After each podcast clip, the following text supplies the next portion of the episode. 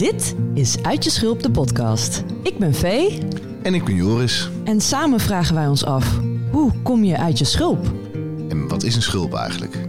Wanneer ben je erin gekropen en wat heb je er ooit aan gehad? We zoeken het uit door te praten met mensen die werken in mentale gezondheid en persoonlijke ontwikkeling. Maar ook gewoon met iedereen die een ervaring met ons wil delen over hoe die in het eigen leven uit de schulp is gekomen. Want dat maken we tenslotte allemaal wel mee. En meestal zelfs meerdere keren. Door de verschillende verhalen en inzichten te delen, hopen we om iedereen die luistert te helpen om ook een klein beetje uit je schulp te komen. Iedereen is welkom. Want iedereen is wel eens uit zijn schulp gekropen. Pak een drankje, schuif lekker aan, laten we beginnen.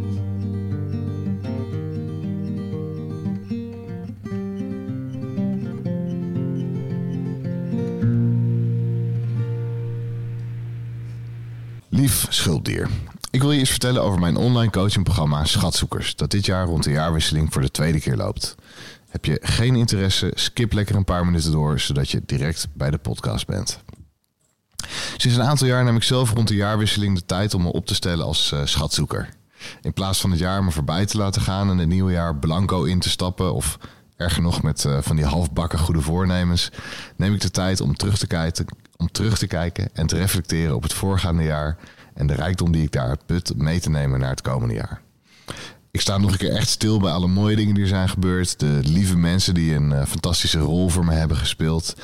En de moedige stappen die ik heb gemaakt. Maar ik vergeet ook niet dat er uh, uh, ook verdrietige dingen zijn gebeurd. En daar geef ik ook aandacht aan. Om die een plek te kunnen geven. maar ook om te onderzoeken welke lessen ik mee kan nemen uit zowel het mooie als het moeilijke.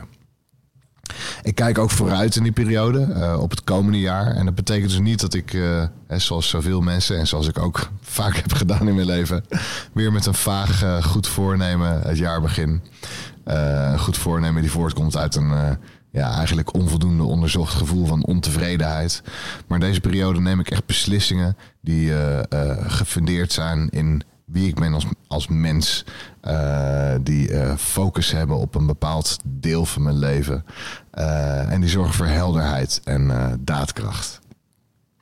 Rondom dit principe heb ik vorig jaar dus een online coachingprogramma gemaakt. Om mensen te helpen om hetzelfde te doen. En dit, dit jaar ga ik dit programma voor de tweede keer doen met een klein clubje mensen. het programma bestaat uit een paar onderdelen. je krijgt van mij sowieso een fysiek werkboek thuis met creatieve en verdiepende opdrachten waarmee je in die vier weken tijd uh, met een groter bewustzijn uh, en helderheid en focus het nieuwe jaar in kan gaan. Uh, en waarin je gewoon heel veel ja, leuk zelfonderzoek kan gaan doen. Je gaat ook zes live online sessies in die ik begeleid met een klein clubje mede-schatzoekers. In die sessies geef ik je inspiratie, ga ik voor nodig iets meer de diepte in met jou als je daarvoor open staat. Ik ga niemand daartoe dwingen in die sessies, uiteraard. En leg ik uit wat je de komende weken te wachten staat in, qua opdrachten en wat daarvan de bedoeling is. Soms lees ik een gedichtje voor, soms doe ik een meditatie. het is onvoorspelbaar, maar het is altijd leuk en, en prettig. En um, daarnaast heb je nog twee pitstop sessies met mij. Dat zijn korte coaching sessies, één op één, van ongeveer een half uur. Waarin we nog meer de diepte in kunnen gaan. Waarin we persoonlijke thema's kunnen verbinden aan het schatzoeken waar je mee bezig bent. En waarin ik je net een drempeltje over kan helpen, een beslissing helpt te nemen. Of waarin je dingen deelt en bespreekt die net te spannend voelen om in de groep te bespreken. Lijkt het je wat om mee te doen? Uh, je kan op mijn website meteen een ticket kopen. jorisontwikkeld.nl slash schatzoekers. Of stuur me een berichtje via mijn website of mijn Insta of de Uit Je Schulp Insta. Uh, dan plannen we een belletje in en kunnen we samen nog eens bespreken of dit misschien iets voor jou is. Hartstikke bedankt voor je aandacht. Heel veel plezier met de podcast en tot snel. Welkom lieve luisteraars, lieve schulpdieren bij een nieuwe Uit Je Schulp. Uh, Vee en ik zitten hier met Bram de Wijs Hoi, vanmiddag. Hi. Hi. En uh, ik zal heel kort iets over jou zeggen. En uh, dan de rest uh, van de aflevering mag jij zelf iets over jezelf zeggen. Oké, okay, ja. Leuk, ben benieuwd. Dat is, dat is fatsoenlijk, hè? Bram en ik, wij kennen elkaar uh, lang. Ik denk ja? een jaar of twaalf of zo. Misschien, veertien misschien wel, zoiets. Ja, echt lang. Ja, het was 2000... Ach, s- eh, lang geleden. ja. Ja, Hoor je, hoorden jullie het jaartal? ja, eh, want het was in, eh, in de tijd dat wij bij hetzelfde ontwerpbureau werkten. Ja. Eh, van Karin Schwant. Mhm. Eh, dat was super gezellig. op een gegeven moment zijn we daar allebei vertrokken. Jij iets eerder dan ik of ik Ja. iets eerder dan jij? Ik iets Jij eerder dan jij, denk ja. ik. Ja. Eh, jij ging toen volgens mij naar Kinderen voor Kinderen. ja, zeker. Ja. Ja, Ja. ja. daar heb je lang gewerkt. Tien jaar bijna. Tien jaar. Ja.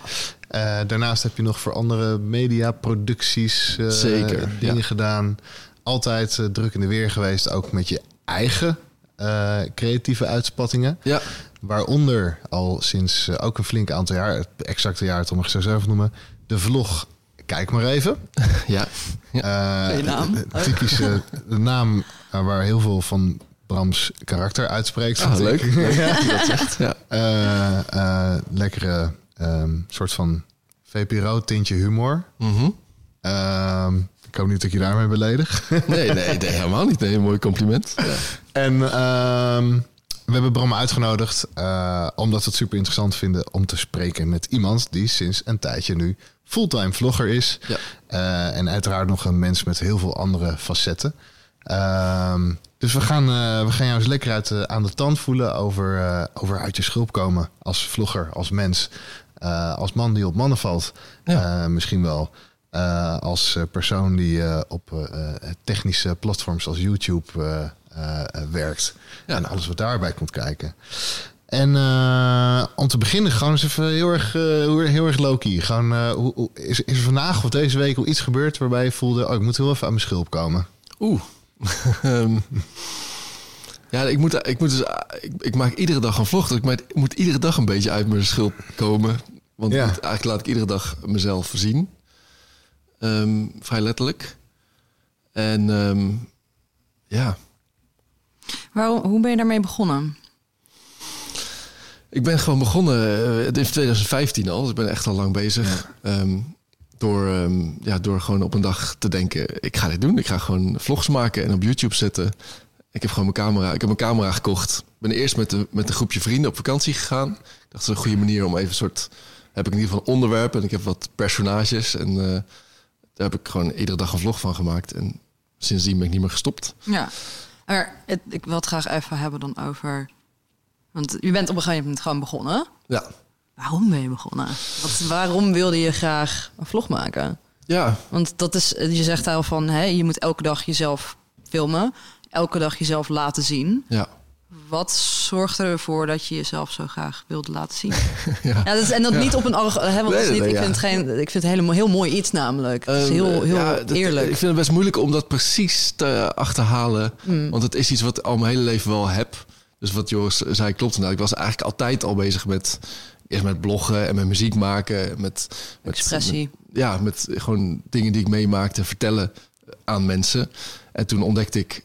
Toen ik 15 was, kwam het internet. Mm. Toen dacht ik, wow, dit is soort voor mij gemaakt. Ik kan hier gewoon iets maken en ik kan het opzetten. En dan gaan mensen daar naar kijken. Mhm. Het was soort, ja, maar wat dat, waarom mij dat precies zo ja, eh, interesseert, dat, ja, dat eh, weet ik eigenlijk niet zo goed. Ja. Maar ik vind het in ieder geval heel leuk. En, ehm, ja, en toen ik dus in de band speelde, maakte ik al iedere week of zo maakte een soort videodagboek over wat we meemaakten. Dus het voelde ook heel logisch om daar gewoon op YouTube mee door te gaan. Ja. En eh, ik had echt het gevoel dat dit mijn vorm was. Dus na de muziek en na het schrijven dacht ik, oké, volgens mij is video is mijn, eh, is mijn vorm. Ja. Mhm. Want wat kan je, wat kan je in video wat, in, eh, wat achter de drums, eh, wat jouw rol was in de band, minder kon? Ja, eh, een soort combinatie van, want er zit ook veel muziek in. Dus het is Ja. een soort combinatie van en, en muziek en beeld en een beetje filmisch. Maar ook wel eh, ook een beetje podcastachtig. Want ik vertel ook gewoon rustig. Soms ga ik gewoon tien minuten zitten praten over iets. Dus het is denk ik die, die samenkomst van disciplines en ook, eh, ook vormgeven zit er ook in. Dus, het, eh, dus de, hoe, je, hoe je titeltjes eruit zien en hoe je leadertje eruit ziet. en zo. Dus dat, daardoor voelt het denk ik heel natuurlijk. Ja, En ik, ik kan me natuurlijk ook voorstellen, dat is jouw kant van het, van het systeem, van, hoe dat werkt. ja. En op het moment dat je dan inderdaad iets de wereld ingooit, dan krijg je dus dat daar reacties op komen. ja. Hoe voelt dat voor jou? Ja, dat is echt een. eh, nou, ik heb echt een haat-liefde relatie mee met de comments. Eh, terwijl ik, ik waardeer heel erg het feit dat er natuurlijk zoveel mensen naar kijken. En eh, dat zijn er inmiddels iets van 12 of, of tot 14.000 mensen per dag. Hmm. Een beetje, daar moet je eigenlijk niet te lang over nadenken. Ja, want stel je voor dat er nu zoveel mensen in deze kamer met ons zouden staan. Ja, dat zou je de I would Ziggo Dome. freak out. Ja, dat is zeg maar, ja, Dat is dat, echt wel wat. Dat, moeten mensen niet veel. onderschatten. Maar dan is dus het gekke dat het percentage daarvan dat comments achterlaat is. Nou, dat zijn misschien 100 reacties per dag. Dat is nog steeds veel, hè, omdat iedere dag Ja. door te lezen gaat allemaal over mij. Dus Ja. dat is wel Ja. heftig. Maar dat, ik moet me af en toe eraan herinneren dat dat een bepaald soort mens is. Ja, Ik, ik laat nooit comments achter op YouTube. ja. Dat is echt iets voor ja, iets oudere mensen. eh, mensen met iets veel tijd. Of, ja, ik weet, Of hele jonge mensen. ja, of Zeg maar, het zijn altijd inderdaad. hele jonge mensen Ja. of hele oude mensen. Ik, ken geen mensen die dat doen. Ja. Behalve bij vrienden of zo. Ja. Dus eh, dat zijn soms best wel specifiek soort... soms hele irritante comments. Eh, die net iets te persoonlijk zijn of net iets te nieuwsgierig. Mm. eh, of net een soort snaar raken waarbij waar ik een beetje geïrriteerd van word. En dan moet ik mezelf echt aan herinneren. Ik heb gelukkig wat vrienden die ook vloggen. Dan kan ik dan even zo Oh ja. stoom afblazen. Eh, van, dit, dit is niet representatief voor mijn kijkers. Ja. Ja. Want eigenlijk altijd als ik in het wild rondloop en ik kom mensen tegen die zeggen: Hé, hey, jij bent toch Wijs, mag ik met je op de foto of zo? Dat, dat gebeurt wel eens. Er zijn het altijd leuke, gezellige jonge mensen die heel goed de grens aanvoelen van even hoi zeggen en dan weer door. Ja. En dus dat, eh, en, het, en dat in, in de comments is dat niet zo. Dus dat zijn Ja. best soms eh, lastige, lastige reacties. Dat is, wel, dat is wel interessant wat je zegt. Hè? Dus de grens tussen even hooi zeggen en dan weer door. Wat je, wat je kan doen als je iemand kent die je eigenlijk niet kent. Die je kent van televisie Ja. of wat dan ook. Als je Ron Brandsteder tegenkomt, ga je ook zeggen... hey Ron, eh, dat pak dat je trouwens laatst aan had. Hè? En dan zeg je gewoon, oh, dat is Ron Brandsteder. Hey, ja, maar En dan- het verschil is wel met die tv-mensen. ja. Daar is het veel duidelijker dat, dat daar een soort kloof tussen zit. Maar Ja. deze kijkers die zien mij iedere dag. Ja, ja. Al mijn dagelijkse beslommeringen, ook persoonlijke verhalen. Maar, Ja. Dus die hebben echt het gevoel dat ik een soort vriend van ze ben. Ja. Maar dat is inderdaad een heel interessante eh, dynamiek. Want je laat inderdaad je, je dagelijks leven zien. Ja. Elke dag. Mhm. Ehm, en ondanks dus dat je wel alles laat zien... laat je nog steeds niet alles zien natuurlijk. Want er zijn momenten dat de camera niet aanstaat. En omdat mensen dus dan denken dat ze alles van jou zien... dat ze jou dan Ja. inderdaad ook echt kennen... Ja. En ergens doen ze dat ook. En tegelijkertijd kan ik me ook voorstellen dat, het nog steeds, dat je nog steeds iemand toch niet Ja. kan kennen. Ondanks dus dat je zoveel informatie over ze dagelijks Zeker. meekrijgt. Ja, ja, dat. dat eh, ja, ik, ik heb niet, niet heel. Zijn niet, eh, ik heb niet heel bewust dingen die ik zo weglaat of zo. Want het is natuurlijk ook. Het is ook prettig. Op een of andere manier als het beeld dat mensen van me hebben klopt met wie ik ben. Mhm. Dat dat een beetje eh, hetzelfde is. Want het zou is ook voor jezelf. Ja, prettig voor Ja. mezelf. Gewoon, Ja. Dan is makkelijker praten. Dus ik, ik heb wel soms dat ik bijvoorbeeld... Dan hoef je niet eens op te letten van... oh ja, was Ja. hier een grens? Of ga ik nu iets zeggen wat niet klopt voor beeld... dat ik Ja. naar buiten breng? Eh, Ja, dat je een soort imago probeert Ja. op te houden. Ja. Ik heb bijvoorbeeld al als ik aan een, aan een opdracht werk die nog geheim is of zo. Ja. Dat ik daar de hele tijd niks over mag zeggen. Dat, dat voelt al een soort... Ja. Klopt niet. Of ehm, een tijdje geleden is mijn relatie uitgegaan. Dan ga ik ook niet meteen van... Oh mijn god, live op YouTube zeggen. Mijn relatie is uit. Dus er is de eerste paar soort weken zo dat je een beetje zo... Awkward. eh, Ja, een beetje awkward zo van, ja, Ja. waar, waar is die dan? En op een gegeven moment gaan mensen vragen, waar is die dan? Dus, eh, dus ik ben de hele tijd op zoek naar een soort, dat, het, dat ik zoveel mogelijk mezelf ben. Ja, ik ben altijd mezelf natuurlijk, maar dat, Ja. dat, dat, dat, dat mensen zo, zo, zo de, echt, de echt mogelijke Bram zien. ja. Ja. Eh, en dat probeer ik nu ook. Ik probeer nu ook echt wat meer de onhebbelijke kanten van mezelf te laten zien. Want soms dan glipt er wel eens iets tussendoor. Een grapje wat net een beetje. Niet zo, niet net een beetje over de grens is of zo. En dan Ja. zijn mensen helemaal van... "Oh, wat zeg jij nou? En Ja. wat? Dat kun je toch niet maken? Terwijl ik denk, Ja. ik maak de hele dag dit soort grappen. Ja, ja, ja. Maar eh, dat Ja. weet jij niet, want dat knip ik er altijd uit. Ja. Ja, Dus ja. ik, ik, ik moet ook iets meer die... Uh-huh. Echt. Ah, echt jezelf dus Ja. laten. Want dat, dat bedoel ik dus te zeggen van je kan, je kan ho- 100 uur voor een scherm staan. Je kan 100 uur een camera op je gericht hebben. En dan nog steeds dingen eruit knippen. Dan nog Ja, steeds ja. Dingen filteren. Ja, maar en, ja, ik vind het ook een heel interessant, want ik merk het ook wel in onze podcast, dat, dat ik soms denk van, oeh, hoe, hoe ver kan ik gaan, weet je wel, in vragen of ergens iets van vinden als we, een- Ja. als we een gast hebben. Ja. Hè, die zit hier toch ook omdat we die gast een, een, eh, iets willen laten zien van zichzelf. Ja. Eh, dus daar, daar hebben we het ook wel vaker over gehad. Weet je wel? Zo, dat is wel een spanningsveld. Zo, hoe- Ja. Hoeveel Ja. van jezelf mag je dan zijn of zo? Ja. En ik vind het wel een heel interessant thema. Ook over vloggen in het algemeen misschien. Want dus wat, wat betekent je voor de kijker misschien wel? En, en wat betekenen vloggers waar jij naar kijkt misschien voor jou? En, en, en hoe, hoe, eh, ja, hoe hangt het dan samen met dat thema? Weet je wel? Wat, Ja, ehm, En, en ook van, want je hebt natuurlijk ook dat er zit een permanentie aan, natuurlijk. Alles wat je online zet staat voor altijd online, ook als Ja. je het zelf wist. Ja. En wat ook natuurlijk gebeurt, is dat mensen een bepaald beeld hebben bij de informatie die dus tot nu toe online staat van jou. En dat dus als jij groeit, verandert of dus meer dingen laat zien dan dat je daarvoor laat zien, dat er dus ook een ander beeld van jou komt. En dus ook hoe, hoe je daar dan mee omgaat. Dus dat mensen inderdaad nog meer facetten van jou gaan. Of dus ook dus dat mensen jou groei en zo. Want als ik bijvoorbeeld nu kijk naar hoe ik twee jaar geleden was, zou ik me echt kapot schamen als dat ergens online zou staan. Ja. ja. En dan hebben we het nu pas over twee jaar geleden. Ja. Want dat is, dat is wanneer ik ben gestopt met drinken. Dus toen werd ik een beetje een soort van semi-normaal. Daarvoor, zeg maar, ja, ik ben heel blij dat er geen informatie van mij, nou, minimale informatie van mij out there in the public rondvliegt. Eh, eh, zeg maar, van vee of feestjes met drank. Oh god, er zijn, er is letterlijk, ik, ik herinner me laatst ineens dat er dus een van de allereerste dingen waar ik dus soort van met het publieke, eh, hoe zeg je dat, ja, in de publieke sfeer eh, terecht was gekomen. Dus dat ik toen ik net 18 was en net naar Utrecht was verhuisd, dat er een fucking eh, zo'n uitgaanskrantje was waar dus een artikel ingeschreven was, waarin ze dus een foto van mij en een interview, quote unquote, met mij, terwijl het was gewoon een meisje die ik op de dansvloer tegenkwam, die zei van, hey, wat vind je van het feestje? Ik zei, ja, ik ben veel te nuchter hiervoor om het leuk te vinden. Zat er, ze wel, hey, mag ik een foto van je maken? Ja, dat is goed hoor. Twee weken later zie ik dus dat krantje, heeft ze dus een foto van mij, terwijl ik dus een gek gezicht trek met mijn vriendin. En zo van, ik moet meer drank en drugs hebben om dit feestje leuk te vinden. Quote. Nee, maar dat is dus dat is iets wat.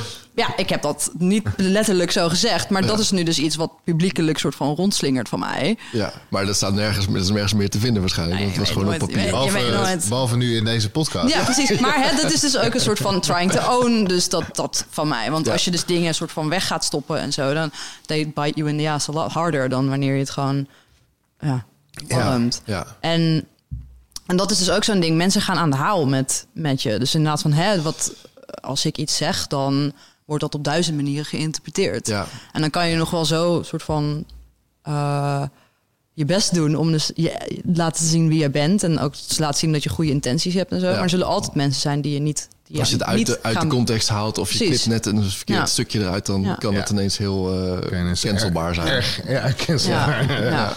Ja, ja. Hey, en ehm, je, je bent dat bewust gaan doen. Iets meer van je scherpe randjes laten Ja. zien. Ja. Ja, omdat ik dus... dat, dat- volgens mij begon het met eh, dat ik iets over de politiek had gezegd. Ik had iets over de BBB eh, gezegd. Ja? En toen waren allemaal mensen echt woedend, woedend geworden. Ja. Ik dacht, huh? Maar was het niet altijd duidelijk dat ik een heel linkse, linkse rakker ben? Ja. Nou, dat was dus helemaal niet duidelijk. Oké, dus daar moet ik dus veel uitgesproken over zijn. Want ik vind het belangrijk dat... Ik vind het sowieso belangrijk om uitgesproken te zijn. Maar ik vind dit... Ja, dit had je echt moeten weten van mij. Ja. En zo kwamen er steeds meer dingen. Ik dacht, als ik dat gewoon, als ik gewoon ben wie ik ben, kun je ook niet teleurgesteld zijn. Ja. Dus je kan niet meer klagen achteraf van ja, dat wist ik niet. Ja. Dus dan, dan zie je wie ik ben en dan kun je zelf kiezen of je ernaar kijkt of niet. Ja. Ja. En ook, jij bestaat niet voor... Jij bent niet wie jij bent voor het plezier van anderen. Nee, nee. Jij bestaat niet Nee. voor de goedkeuring en het plezier van anderen. Nee, maar dat voelt op een gegeven Dat moment denk ik voor die mensen wel. Ja, zo kijk die maar naar de zie- Kardashians, die Ja. denken dat dat zo is. Ja, En, en die ze- zijn ze fucking zien- saai om naar te kijken tegenwoordig. Ze zien mijn, mijn leven soms een beetje als een soort soap. Mm. Dus als ik met vrienden op vakantie ga, dan, dan zijn er bijvoorbeeld... Sommige vrienden hebben een nieuwe verkering mee. Of er is eentje, eh, is er juist iemand eh, niet mee. Dan gaat het echt zo van, oh, eh, nieuwe karakters in, de, in het verhaal. Ja, Dat zijn mijn vrienden. Dat zijn gewoon mijn vrienden, ja. Voor mijn leven. Not characters. Nieuw seizoen, dus een nieuw seizoen. Ja, dus dat- nieuw seizoen van Mijn leven. leven. Ja. leven van Bram. Maar dat, is, ja, dat is wel grappig. Dat, dat is waar ik net ook een beetje op bedoelde. hè, Van wat, is een, wat is een vlog? Wat is een vlog voor een kijker? Hoe, en en, en welke, welke kleuren heb je? Welke kleur presenteer jij? Ehm, ehm, ja, kan je daar iets over zeggen? Een soort van, wat is, wat, is, wat, wat, is de plek van de vlog nu Ja. in de wereld of in Nederland? Nou, ik, ik ben eh, toch echt veel meer een maker dan een kijker. Ja. Dus ik kijk wel vlogs, maar niet zo iedere dag. eh, ja, alleen van vrienden. Ja, Om te kijken wat ze hebben gemaakt en wat ze hebben beleefd. ja. Maar ik, ik heb niet echt iemand die ik dan zo iedere dag volg. Mhm. Maar wat ik, wat ik voel uit de reactie is dat, dat je echt dus een soort... Je voelt een beetje als een soort vriend. Ja, Dus er zijn veel mensen die gewoon... eh, ja, die, die beginnen hun dag met mij. ja. En dan, ja, dat is het eerste wat ze zien, het eerste wat ze horen. Dus die leven ook met me mee. Een beetje zoals ze met vrienden doen, denk ik. ja. ja. Ja. Kijk jij vlogs? Ja, ik kijk eh, één vlog. Ja, wil je Ja. zeggen wat dat is? Ja, Jonna Jinton. Eh, en wat is dat? Kan je er iets over Zij zeggen? is een eh, Zweedse kunstenares. Mhm. Zij woont ergens echt super ver in het noorden in een dorpje met maar elf man of zo. Dus ze heeft zeg maar dat ze de hele dag alleen maar een beetje ja, gewoon haar eigen ding aan het doen is. Eh, en ze maakt muziek en ze maakt kunst en ze maakt foto's en ze zeg maar ze doet precies alles wat ik eigenlijk wil doen. Ja. Maar voel je een soort band met haar? Ja, zeker. Ja. Maar ik denk dat je ook uiteindelijk je volgt mensen waar je of tegenop kijkt of die je als vriend zou willen hebben. Ja. Ja, en er is ook een categorie... eh, En ook nieuwsgierigheid, kan ik me ook Irritainment. voorstellen. En de irritainment. Ja, Ja. oké. dus ik, ik, kijk, ik kijk ook wel eens naar de Kardashians. Ja, precies, nu ja, en dan. ja. En dat kijk ik dan ook gewoon omdat het fascinerend is. Gewoon, omdat dus het is just a burning building gewoon waar je naar kijkt. Het is just Hot ass, like, Ja. eh, hoe zeg je dat? Eh, hot mess. En ja, en, en ze maar, en bij die, hard maar die, die- bij die Zweedse vrouw... ja, Is er iets waarvan je af en toe denkt... Oh, irritant of stom of... eh, Eh, nou ja, ik denk dat het... Om, omdat het natuurlijk zo'n... Ja, vloggen aan zich... Ik heb het zelf nooit eh, gedaan. Ehm, maar vloggen aan zich... Ik kan me voorstellen dat dat... eh, best wel een ongemakkelijk iets is af en toe. Dat, eh, dat je gewoon tegen een camera Ja. staat te praten. En bij haar is het dan zo dat ze tegen 4 miljoen mensen aan het praten is als ze tegen een camera praat. Maar die staan, weet je, probeer dat maar eens voor te stellen dat die allemaal in dezelfde ruimte met je zitten. Like, no.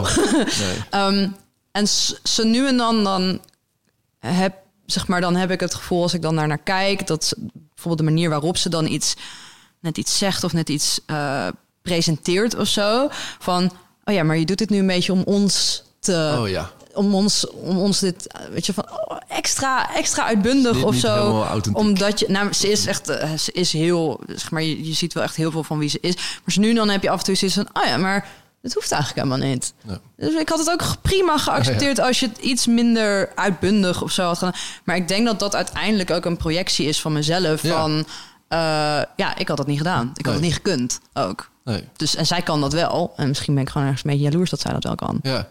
ja, ik denk dat er best veel mensen Ja, dat eh, ook zoeken in iets wat ze leuk vinden om te kijken. er zit een aspiratie in. Ja, en ook een beetje een soort... En ook, ja, ja, iets wat een beetje botst of wat een beetje schuurt... of wat Ja. inderdaad confronteert met, ja. met jezelf. Maar dat, is, dat, dat leidt dan uiteindelijk tot zelfreflectie als je het goed doet. Ja. Kan ik me voorstellen. Want of het gaat gewoon verder en dieper in irritatie. Ja, Of het leidt naar van, hé, maar waarom voel ik me nou zo jaloers of geïrriteerd hierover? Oh, het is gewoon omdat dat ik dat zelf nooit doe en ik wil het eigenlijk heel graag het zou doen. heel mooi zijn als meer mensen zo Ja. te kijken naar Ja. eh, dingen op internet. Dat is dus hoe mijn, zeg maar, dat is mijn eigen relatie, dus die ik nu tegenwoordig met negatieve emoties, zoals jaloezie, eh, heb ontwikkeld. En nogmaals, dit is pas twee jaar gaande dat ik zo, eh, zo chill ben. Dus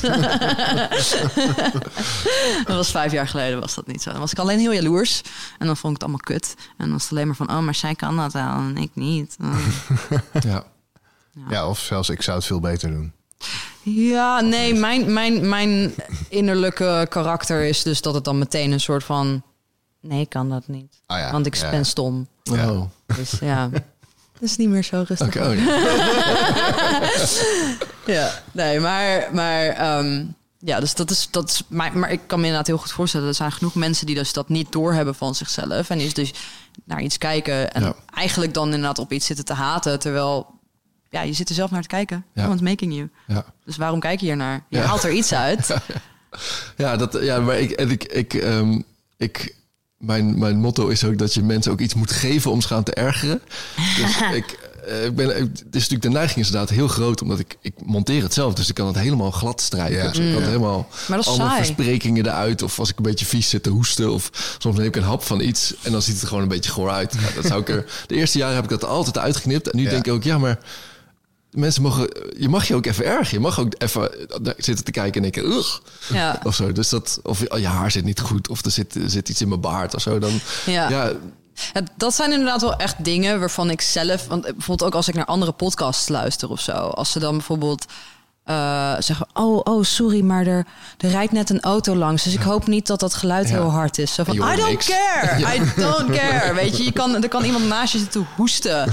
Daar gaat, I don't care. Ja. Mag, weet je, we leven allemaal in een wereld waar af en toe wat geluid... Tenzij ik in een soort van meditatie van jou zit... Ja, waarin er geen geluid... Ja, precies. Maar dat zitten we niet. Je zit in een podcast. Die ma- er mag geluid zijn. Dus ik denk dat er sowieso een soort van stigma zit rondom dingen die niet horen of zo. En wie bepaalt dan wat wel en niet hoort? In een, want ja, het is jouw vlog. Jij mag zelf bepalen wat daarin komt. ja. Ja, en, en is, is dan het, het vergelijk nog, nog wel televisie? Met een Ehm. vlogger. Merk je dat je, dat je afgerekend wordt als media eh, producent? Nee, volgens mij niet. Nee. Nee, ik denk niet dat veel mensen het daarmee vergelijken. Nee. Oké, cool. Ehm, mensen beginnen de dag. mo- Moeten jullie nog iets zeggen waar jullie eh, uit, de schulp, uit je schulp moest komen vandaag of deze week? Oh. Is dat niet een vaste Oeh. rubriek? Ja, nee, Nee, dat ja, is niet. goed. Maar dat ja, kunnen we zeker doen. Dat is een goeie wel dat je dat zegt. Ja, jij mag eerst. Ehm, even kijken hoor. We leven op dinsdag. Nou ja, eigenlijk altijd podcast opnemen wel. Eh, deze alweer minder, maar vanochtend wel. Eh, ik ken jou ook langer, dus dat voelt heel anders. Eh, maar vanochtend met Lieke. eh, en we gingen het over seks hebben. En ik had een schaamwoorden bingo gemaakt. Nou ja. Eh, dus er zat gewoon wel best wel wat gêne ook in het gesprek. Die we ook gingen opzoeken. Ja. Eh, en waar ik ook toch wel merkte van...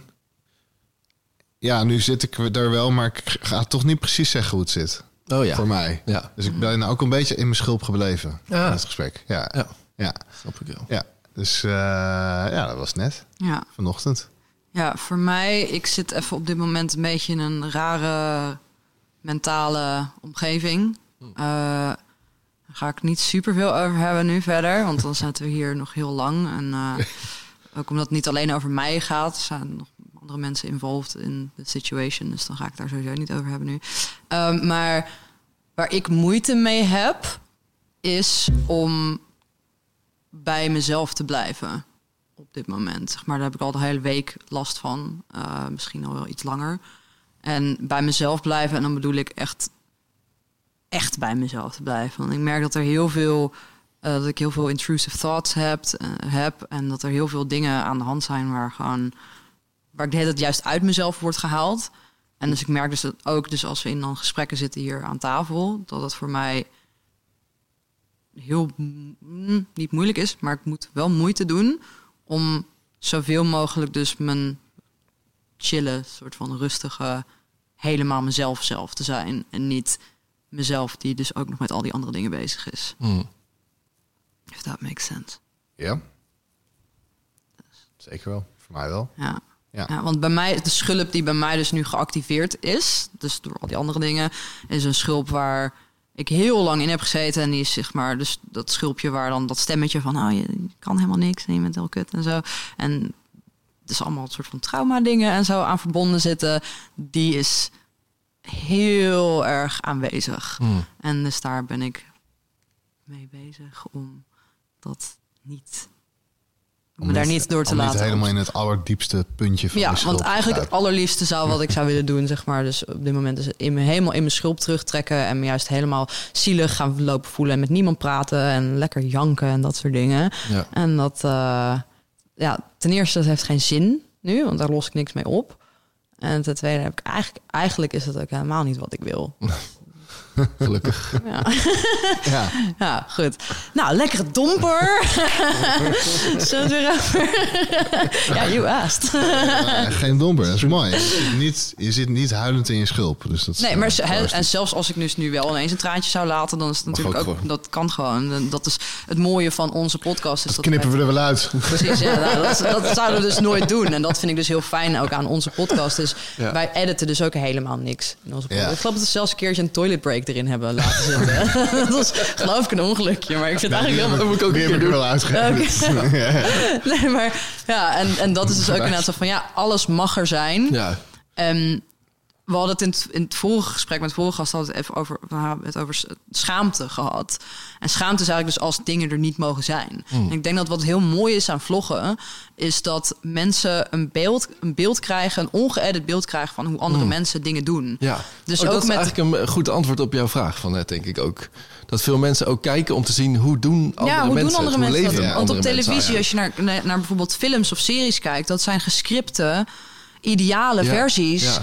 en gedramatiseerde versies. Gaat dus of alles allemaal heel goed precies, of het gaat allemaal heel fout. Precies, of, eh, want als jij relatieadvies gaat baseren op wat je in films ziet, dan you're fucked. En de meeste mensen doen dat. And that's why we all have so many issues. Eh, terwijl als jij eh, gewoon normale everyday en daarom is zijn podcast ook zo mooi, daarom zijn vlog Ja. zo mooi Ja. en daarom is social media bijvoorbeeld ook heel erg mooi.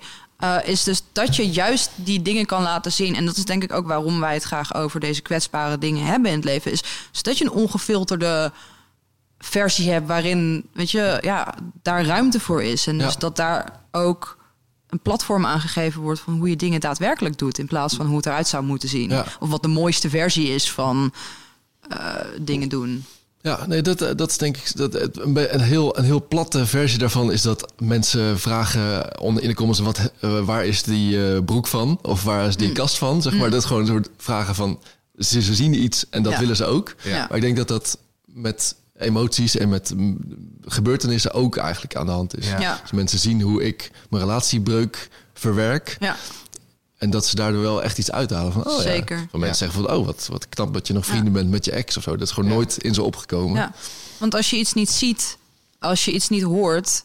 eh, Wij, wij leren door verhalen. Ja. En, en dat is zeg maar waarom dingen zoals televisie... Televisie eh, en films zijn super gelikt. Dus Ja. je ziet alleen maar gelikte verhalen, maar ook je ziet alleen maar... ehm, ja, nogmaals, de ideale Ja. of, of, of de super gedramatiseerde versies van iets. En niet hoe, ja, bijvoorbeeld dat inderdaad, hoe je met een ex omgaat. Eh, Ja. Vrienden zijn met je ex. Dat is zoiets wat, wat bijna nooit, want hè, het is uit en dan moet je ze despisen. Dan moet Ja. je ze niet meer leuk vinden, mag je niet meer met ze praten. Het mag ook alleen maar, je mag ze alleen maar kut vinden. Ja. Zo, terwijl, nee, je bent vrienden met elkaar geweest. Je bent, dat is, ja, dus meer mensen die dat die inderdaad delen. Of weet je, bijvoorbeeld ik net bijvoorbeeld zeg over van, oh, dit is hoe ik over jaloezie nadenk. Dat, hoor, je- dat, dat weet ik ook alleen maar omdat iemand anders het daarover heeft gehad. En Ja. tot daarvoor wist ik niet dat dat een optie was om zo naar Ja, te kijken. Ja.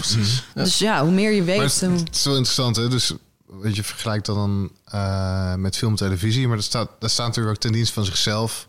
Je wil of zoveel mogelijk kijkcijfers of zoveel mogelijk eh, Mhm. ticketverkoop. Ja. Eh, jij wil natuurlijk ook ergens iets vergelijkbaars. Alleen Ja. het ten dienste van jezelf een vlog maken is ten dienste van jou als persoon en niet ten dienste van een commerciële grote enterprise waar veel grotere belanghebbenden bij betrokken zijn. Ja. Maar daar komt natuurlijk op een gegeven moment. Ik kan me voorstellen dat er ook soms wel een spanningsveld zit, soort van. Je wil ook groeien. Ja. Hoe, hoe, hoe hoe zit dat voor jou? Voel je soms een spanningsveld? Of heb je überhaupt een idee van...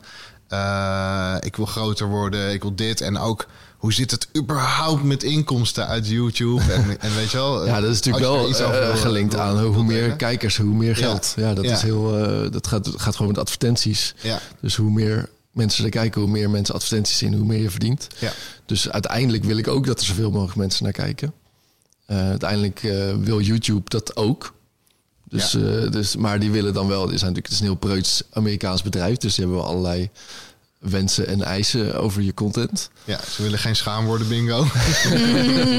Nou, ik vind YouTube echt nog heel eh, liberaal daarin. ja. Vergeleken met Instagram of zo. Waar je ja, Instagram is echt, echt, En echt TikTok is helemaal erg. Dat, je gewoon, Ja. dat mensen gewoon woorden niet meer kunnen zeggen. Ja. Omdat het gewoon wordt gewoon verwijderd zonder pardon. Ja. Dus ik vind dat ik best veel mag en best wel die grens opzoeken op YouTube. ja. Maar ehm, ja, het is wel altijd een spanningsveld. Dus je wil inderdaad een soort...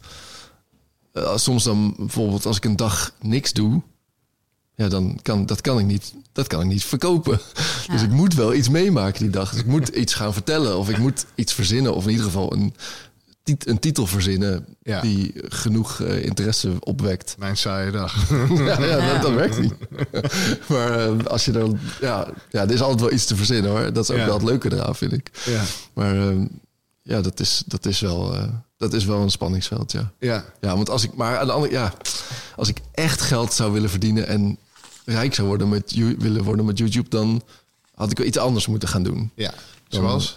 Sen- Sensatie. Ja, eh, sensatie content. en Ja. pranks en... Een ehm, uh, Fisherman's vriendje. Ja, wil je dat ook? ja, eh, Eh, veel meer met, waarschijnlijk veel meer met gesponsorde content en zo. ehm. ja, ja, ja ik, ik, ik zou het niet goed weten. Dan had ik het misschien wel gedaan. En je hebt Maar, bijvoorbeeld ehm, mensen die dan heel veel make-up eh, dingen gaan reviewen, dingen Ja. gaan reviewen en zo. Ja, Dus dat, dat zou dan- ik wel. dat- dat dan eh, ook ik- weer soort van- Ja, dus er zijn inderdaad wel samenwerkingen die ik krijg aangeboden, maar die ik afsla omdat ik denk dat het niet bij me past Ja. en dat mijn doelgroep het ook niet zou pikken. Ja. Eh, maar daar kan je natuurlijk ook de grenzen opzoeken. Ja. Ja. ja. Ja, Hey, ehm, de stap naar dit helemaal fulltime doen. Dat is natuurlijk een enorm uitschot. Sorry, wacht, ik zet even mijn camera aan. Ja, doe dat. die ding. Als je trouwens ook een fisherman friend wil, Ja, maar dan praat ik zo. nou dan doe je het niet. Zo. Of vind je dat ik stink? nee, nee. Ik niet kan ruiken vanaf Dat, kunnen we niet ruiken van eh, deze kant van de tafel. Ja, je was gewoon in, eh, in, veilige, in veilige haven, loondienst. loondienst. Iedereen begreep wat je doet. Je moeder begreep wat je doet. Je vader begreep wat je Ja, doet. min of meer. Ja. Min of meer. Je werkte voor de omroep, voor de televisie. Kinderen voor kinderen, kent iedereen. Ja. ja, dat was En toen eh, kwam je ineens thuis zei eh pap, mam, ik ben nu vlogger. En zei dus, wat? Hoe ging dat? Ja, nou ja, bij ouders, je hebt ze wel eens ontmoet op, een, eh, op de ouderdag volgens mij van, de, Ja. van onze oude werk. Maar die vinden alles leuk wat ik doe. dus dat scheelt. scheelt en ik heb het een beetje opgebouwd. Dus ik, ik werkte nog, nog eh, ik ben, ben eerst, eerst werkte ik, drie, werkte ik drie dagen in dienst, toen vier dagen, toen weer twee dagen. Uiteindelijk één dag geloof ik. Nou, of twee. Ja, in ieder geval, ik heb het altijd gecombineerd. Dus met freelancen, eerst met de band, toen met freelancen, toen met eh, vloggen. Dus het was, het was er altijd wel. Ja, Ehm, maar ik heb ook, het- ik heb altijd tegen iedereen gezegd: het is een hobby en ik doe het erbij en het is voor de lol en Ja. eh, ik hoef er geen geld mee te verdienen en zo. Eh, nu denk ik, dat was ik vooral tegen andere mensen aan het zeggen. Ik wilde dat eigenlijk wel, alleen ik durfde dat gewoon niet hardop te zeggen. ja, Ehm, dus ik denk dat iedereen wel aan gewend was dat ik dat deed. Ja. Maar er is inderdaad wel zo, ja, dus denk ik een paar maanden geleden pas of zo. Dus ik doe het nu denk ik een jaar fulltime. Maar toen duurde het nog wel even, zodat ik echt durfde dat mensen aan me vroegen... en eh, werk je nog bij uh, BNNVARA? Of eh, doe je nog freelancing naast? Dat ik echt moest zeggen, dus nee. Wat, doe je dan? Ja, vloggen. Alleen vloggen? Ja, alleen, alleen vloggen. En dan krijg ik altijd de vraag, kun je daar dan van leven? ja. Ik leef nog. maar ehm, dat was inderdaad wel een... ja, dan moet je dat wel gaan uitleggen aan mensen. Ja. ja, Of niet. Of gewoon zeggen, ja, ja dat is het. ja, ja, ja, precies. Ja. En dan vragen, en eh, ben jij nog accountant? Ja, kun je daarvan leven? Kan je daarvan leven? Zijn cijfers niet gewoon een hobby? Inderdaad, ja. Ja, nee, ja, ik snap dat het een on, onorthodoxe eh, baan is. Ehm, en dat, eh, ja, dat vind ik ook wel leuk aan. Ik bedoel, ja, Ja. Ik, vind, ik heb het ook altijd leuk gevonden om iets te doen wat mensen net niet helemaal snappen. Of wat met Ja. een beetje raar is. Ja. Maar, hè, en dan komt er natuurlijk gewoon nu een beetje de vraag los. Want als je, eh, als je dus dan fulltime vlogt... ehm, ik kan me voorstellen dat je bij de, de baan die je had... dat je dan ook dingen deed overdag die je vet vond. Of dat je geen tijd had om bepaalde dingen te doen ook... omdat je dan aan het werk was. Want Ja. hoe Ja, besteed jij je tijd nu precies? Ja. goede vraag. Ja, Waar blijft al die tijd? ja. Ja, ehm, ik moet natuurlijk iedere dag. Ja, ik, ik, ik eh, vlog trouwens vijf. Ik maak vijf vlogs per week. Dus iedere werkdag komt er Ja. eentje online. Ik heb Ja. twee dagen soort van speling. Ja. Dat is niet per se altijd in het weekend, maar vaak Ja. wel. Ehm, dus ik moet wel eigenlijk iedere dag een vlog monteren, Ja. op zijn minst. Ehm, en verder, eh, ja. Ja, want hè, zeg maar dus een, een typische soort van vlogdag voor jou. Wat, wat, wat, zeg maar, wat ga je dan bedenken eerst van... Hoe wil ik leven vandaag? En, dan, en, dan, en dan ga je dat filmen? Of ga je zeg maar denken Ja. van... Wat zou nu vet zijn om te filmen? En dan ga je dat doen. Zeg maar, waar zit die balans? Ja, Want ik kan me ook voorstellen dat je... Ja, je moet elke dag iets doen. Zoals Ja. je zei van, ik kan niet een saaie dag hebben. Ehm, waar zit die balans? Niet een saaie dag of niet een saaie titel. Nee. Ja, precies, Nee, precies. Ja, nee. dat is, dat is inderdaad. Maar, hè, zeg maar ga je dus soms dan dingen doen voor de sake of vlogging? Of Ja. doe je dus dan... En dan kies je dan dingen uit die jij echt heel vet vindt? Of ga je dan inderdaad dingen doen die, waarvan je weet van... Oh, dat gaan Oh, mensen ja. dan vet vinden? Ja. Dus daar... Want hè, jij, jij bent... Je hebt al zelf aangegeven van... Ik wil graag zoveel mogelijk bij mezelf blijven en authentiek zijn. En Ja. Dus ik kan me voorstellen dat dus de dingen die je doet... dat je die ook uitkiest omdat je die graag Ja. wil doen. Het zou raar zijn als ik ineens ging, ging lasergamen of zo. Ja. Ja, dat... Als, als je dat echt niet leuk vindt. Nee. Ja. Sommige mensen vinden dat heel leuk. Ja, ik, ik snap dat niet, Nee. maar ik... eh, ja. Ja, de- ik ben er, wat ik heb ontdekt is dat, dat het eigenlijk genoeg is om één ding per dag te doen. Dus als je één ding hebt in, me, in je vlog, is dat eigenlijk genoeg. Ja. Twee dingen is nog leuker, want dan heb je een soort, soort tweedeling in het verhaal. En Ja. dan wordt het ook wat A-story, langer. Ja, en je kan er iets meer advertenties in stoppen. Hey. Ehm, maar zodra het drie dingen zijn, wordt het eigenlijk al te veel. Dus dan, en ik heb nog steeds wel die valkuil dat ik denk... oh, ik heb nog zo weinig gedaan vandaag. Eh, misschien, eh, misschien moet ik nog een verhaal vertellen daar en daar over. En dan blijkt uiteindelijk dat ik die vlog in tweeën moet knippen... omdat het gewoon te veel is. En je doet al snel één ding op een dag. Ja. Eh, dus vandaag ben ik hier. Ja. En eigenlijk, eigenlijk is dat al genoeg, denk ik. Ja. Ehm, dus dat, dat gaat eigenlijk best wel snel. Soms is een dag dat er echt, dat ik in mijn agenda kijk dat er helemaal niks staat. Dan kan het wel eens voorkomen dat inderdaad eh, iemand vraagt: hey, heb je zin om wat te eten vanavond? En dan combineer ik dat en kunnen we even daarover vloggen. Eh, maar meestal bedenk ik dan gewoon een onderwerp waar ik iets over wil vertellen. Iets in het nieuws of, eh, of een herinnering of eh, iets wat ik heb meegemaakt. Eh, ik kan altijd heel... Laatst had ik... mijn, mijn verhaal is eigenlijk heel klein. Dus ik, ik heb bijvoorbeeld echt een week lang verteld over een kast die ik in elkaar aan het zetten was. en dat was gewoon zo'n monsterproject. Waar mensen helemaal gaan meeleven. Dus als je ze maar meeneemt daarin, dan is dat prima. Of je drie van Mo fietsen. Ja, dat is ook een, een soort vervolgverhaal inderdaad. En mijn gordijnen is een tijdje een soort, soort verhaallijn geweest. Die kwamen maar niet en toen waren ze niet goed. En, ehm, hoe lang zijn je video's? ik denk gemiddeld 20 minuten. Ja, maar dat is alsnog best wel veel. Ja, Dat onderschatten mensen denk ik wel een beetje. Zeg maar, een video van vijf minuten is best wel, like, dat is wel best wel wat. ja. 20 minuten, hè? ja Ja. zeker. Ja, dus bij- als je, zodra je begint te praten, dan gaat het hard. Ja. Ja. Maar als je dat gewoon een beetje mooie sfeerbeelden aan doet, met, dan, dan kun je echt inderdaad eh, kan je zo 100 shots maken. En Ja, dan ja. ben je drie minuten verder. Mhm. Dus dat schiet inderdaad eigenlijk niet op. Dus je moet eigenlijk wel het liefst iets hebben waar je over kan vertellen. Ehm, maar het kan dus heel klein zijn. Ja, ik had het laatste verhaal. Ik had een, ik had een hele mooie gieter ergens zien staan. En ik dacht, zo, wat een mooie gieter. Toen heb ik opgezocht waar die van was.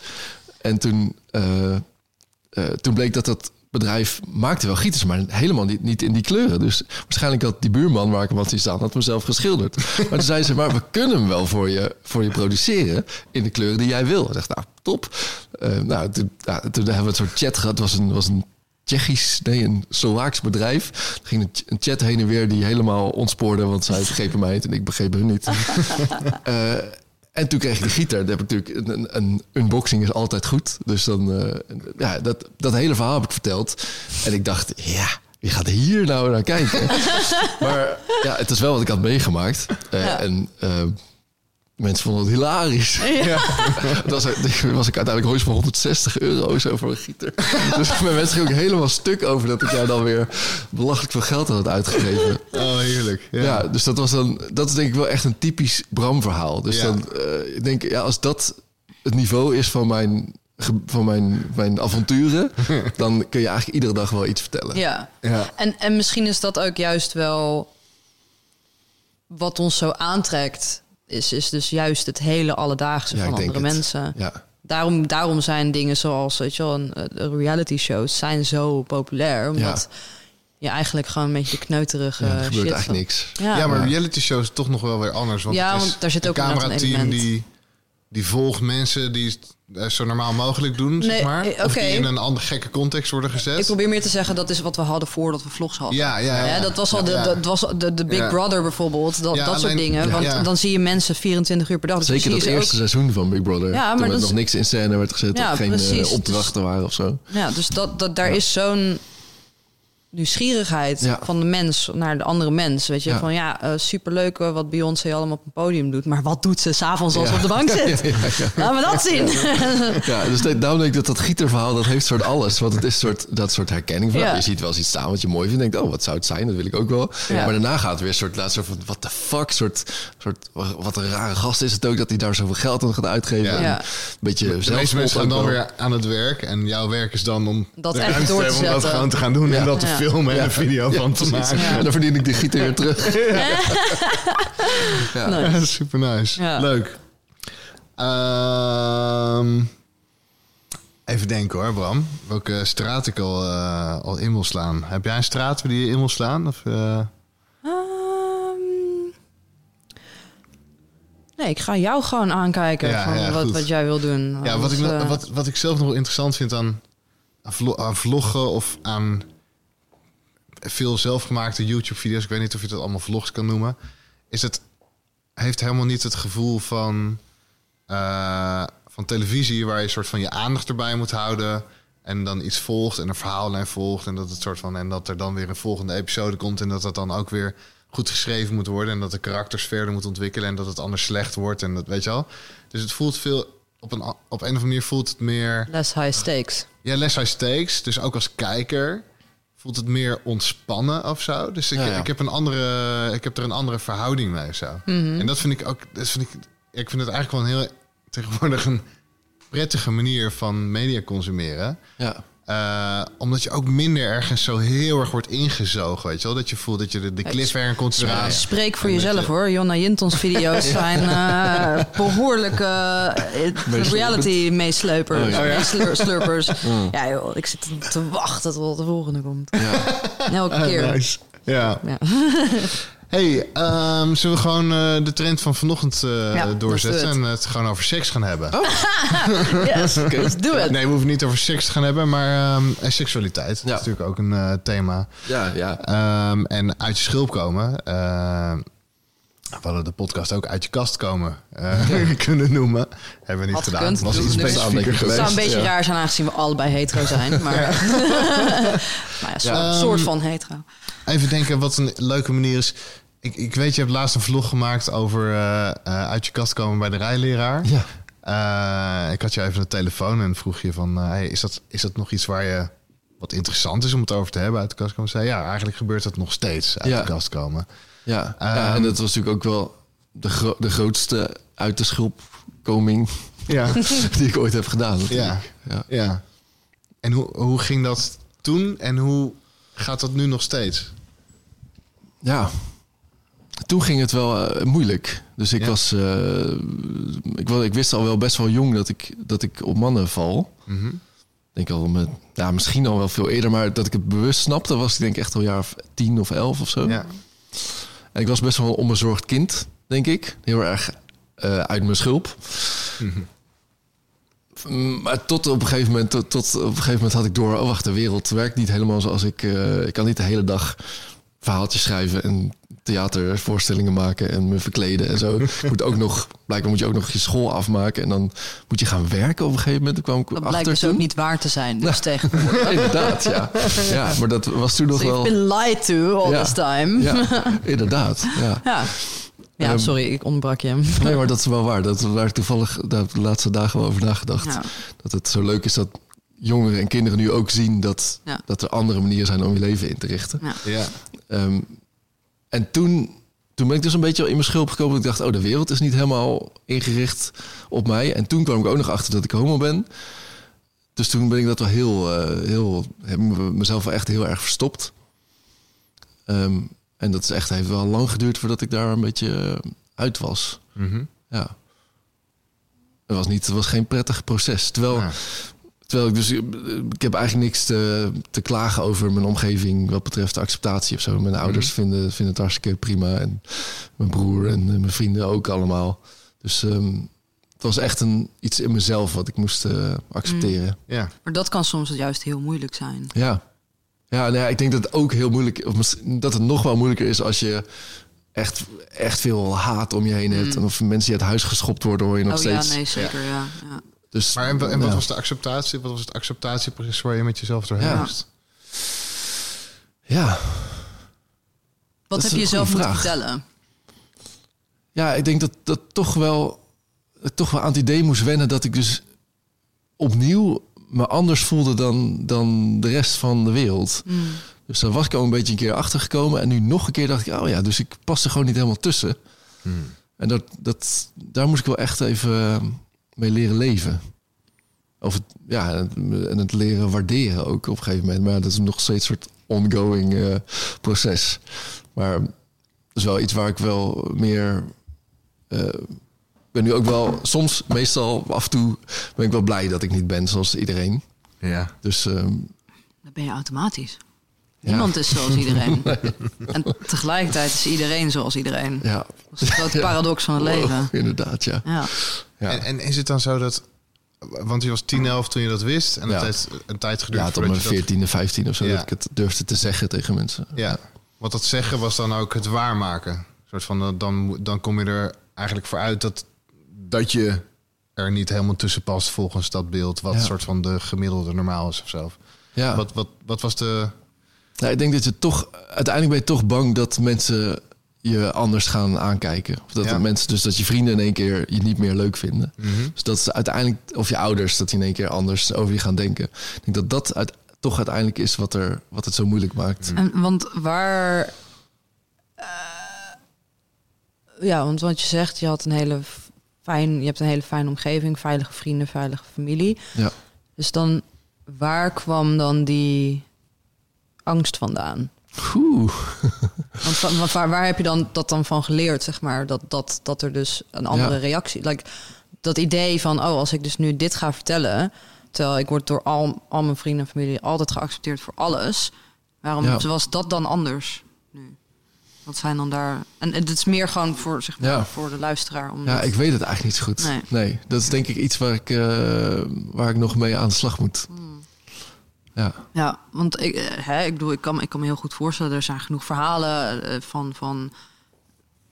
En ook zeker, eh, ja, ik weet niet hoe oud je nu precies bent, maar Eh, 39, ik Ja, word 40 dus- over een week. ja, dus zeg maar, zo'n lange tijd geleden, dat, ja, ik weet nog wel dat ik toen ik jong was, toen was het ook heel anders. Dat, zeg maar, dat op een hele andere manier toch wel Ja, om werd gegaan met homoseksualiteit. Ja. Wel voor mijn gevoel redelijk positief. Ja. Maar toen ik jong was, was het gewoon best wel normaal dat er, dat er mensen gewoon... Ik ben 31. ja. 31? Ja, 31. Ik ben bijna 32. Ja, in die 10 jaar is wel veel gebeurd. Dat is wel, ja, precies. Ja. Dus ik ben, ik ben geloof ik al best wel opgegroeid in een tijd waarin het eigenlijk best wel normaal was. Dacht, Maar Ja. het was Ja. normaal dat, wel. dat, er, dat er mensen waren die, die In, op in hetzelfde onze geslacht jeugd, vielen. wij schelen twee jaar zo'n beetje dan. eh, waren in ieder geval in mijn omgeving super impliciete en expliciete gewoon eh, anti-homo. Ja. Ja. Dat is gewoon ja, en weinig, kids eh, op school en of heel veel kids op school in ieder geval. En, eh, Ja. en weinig leuke rolmodellen ook. Dus dat is, Ja. dat is Mm. nu zo, zo fijn dat je gewoon Ja. echt... eh, Ja. Je hoeft het Netflix maar aan te zetten. En er zijn Ja. allemaal leuke series en ja. YouTubers. En, eh, En dus eigenlijk ook weer dat, dat dus daar het belang ook uit, uitkomt van ja, verhalen delen. Ja, En- maar daarom vroeg ik dus in het begin ook van... wat heeft jou ertoe gezet om dat je wilde delen? ja. Dat je jezelf wilde laten zien. ja, ik heb nooit over nagedacht dat daar, in het begin dat anderen daar iets aan zouden kunnen hebben. Ja. Zoals dat ik een soort rolmodel of een soort representatie zou kunnen. Dat was nooit mijn insteek. Nee, maar ik denk ook niet dat dat zeg maar de insteek is van... Hè, ik denk dat het eerder is van... Jij, je hebt natuurlijk altijd een gevoel gehad van... dat jij net niet helemaal bij de wereld Oh, paste. zo. Ja, En misschien dus dat door dus jezelf te zien... ja. Dat je ook gezien kon worden. Ja, ja, zo. Die heb ik mee naar mijn therapie. ja, Dat is letterlijk de enige aantekening die ik heb. ja dat, dat, eh, dat geloof ik zeker. Ja, want het is natuurlijk eigenlijk bij de hele tijd op zoek naar een soort bevestiging en een soort zie mij en zie mij. Ja, en, het, en dus... en waar dat precies vandaan komt, weet ik niet zo goed. Want ik heb, ik heb het gevoel dat ik altijd ben gezien. Ja, maar daarom kind. zeg ik, Maar- ik vind het ook super interessant, dus dat jij ook eigenlijk al aangaf van mijn omgeving was heel erg accepterend over mij, maar het kwam juist vanuit mezelf dat ik, hè, ik moest echt met mezelf, ik moest bij mezelf Ja. iets overwinnen. Ja. En dat is dus wat ik zo interessant vind aan jou. Is dus dat, dat eigenlijk, ja, dat, dat idee van door wie worden we gezien? De wereld zelf, dat maakt eigenlijk helemaal niet zo uit. Wat Ja, maar er zit, er, er zit ook dat spanningsveld tussen er biologisch gezien gewoon erbij willen horen. Hmm. En, daar, en daar zit veiligheid in. Mhm. Eh, en het individu dat zich uniek wil maken Ja. ook. Ja. En, eh, en, daar, en daar je identiteit aan ontlenen of deel van je identiteit. En, eh, en, en juist iets van je, van je kracht en van je schoonheid. En, Ja. ehm, er zit natuurlijk een onwijs spanningsveld. En ja, je, je directe omgeving voelde je dan misschien altijd wel veilig hè, bij je ouders en, en Mhm. gewenst en gezien. Eh, maar neem niet weg dat er de maatschappij wel bol stond van Ja. niet homo-vriendelijke Ja, ja, misschien en heeft dat, heeft dat wel en- meer invloed gehad dan ik, dan ik eh, dacht. Ja, ik, weet, ik, noem dat ja. nu, maar want Nee, zo, maar dat zo zou- heb dat ik zou het best kunnen, ja. eh, Ja. herinnerd. Ja, ja. Ja. En ik weet zelfs dat toen ik bij, met jou samenwerkte, was het ook eh, niet altijd eh, even kosher welke grappen er over de werkvloer Oh nee? gingen. Ja, maar ja. andere tijden. Ja. ja. ja, nee, dat klopt wel, ja. ja, ja, dus dat, eh, ja, dat is in die zin tien jaar is, toch veel al... gebeuren. Ja, Ja. zeker. Ja, Ja. Ja, ik bedoel, als ik ook nu kijk naar eh, televisieshows of comedy-series of wat dan ook, de soort, de vorm van humor of dus, ik, ja, weet je, je, ben, je kijkt naar dingen die tien, tien jaar geleden werden gefilmd of dingen die twintig jaar geleden werden gefilmd of zo. En de humor, ja, zeg maar, ze hebben het dan over something didn't age well. A lot of stuff didn't age well. Zeker. ja. Eh, maar er kan inderdaad in zo'n korte tijd kan er superveel gebeuren. Ja. En eh, Ja, het mooie van, ehm, van nou ja, wat, wat het, mooi, het mooie van een rolmodel hebben, of gewoon, kijk, ik had, wij, toen was er Geer en Goor, eh, Gerard Joling en Ja, Gordon. ja. En dat waren zeg maar de homo's die ik kende. Ja. Dat was wat ik zeker niet wilde worden. ja. Ehm, en dat betekent dus dat je dan dus zelf mag bedenken hoe je je leven gaat invullen. En dat vond ik toen denk ik heel ingewikkeld. Nu voel ik dat ook wel als een enorme vrijheid. Dus dat ik niet, er wordt helemaal niet, er wordt heel weinig van mij verwacht eigenlijk. Ja. Niemand vraagt ooit aan mij, wil je eigenlijk kinderen? Terwijl volgens mij als je vrouw rond de 30 bent, Ja. dan krijg je dat heel vaak te, ja, ik ook. Als Ja. je gewoon een hetero Of bent in een ja. relatie, dan... Ja. eh, ja. Dus dat geeft me ook heel veel vrijheid om het, om het zelf in te vullen zoals ik wil. ja. Ehm, en, maar toch is het nog steeds bijvoorbeeld heel ontroerend om, eh, om oudere homo's te zien. Dus bijvoorbeeld, ik vond Erwin Olaf zo'n mooi voorbeeld. Altijd als hij een interview gaf, dacht ik, wow, wat vet als je zo oud kan worden en je leven op die manier kan inrichten. Ja. Dat, eh, en dat, dat, dat geeft dan zo, dat is dan zo prettig om even wat representatie te zien, even een soort blik in de toekomst te hebben. Ja. En dat is denk ik Ja. wat ik toen dus op mijn 15 een beetje een soort... Ik zag denk ik een soort leegte voor me. Van, ja, maar ik weet helemaal niet hoe ik dit moet gaan doen. Ja. Wat, wat staat me dan nu te wachten? Ja. En wat zou je dan, als je nu een gesprek kon hebben met jezelf van die tijd, wat zou je zeggen? Het komt wel goed. Ah. ja, ja dat weet ik niet. Dat, eh, zo. Ja. Ja, dat is wel, daar zou ik wat langer over moeten nadenken. Ik weet niet of ik moet zeggen, het komt wel goed. Want het wordt ook allemaal wel erg ingewikkeld, toch? Maar, ja.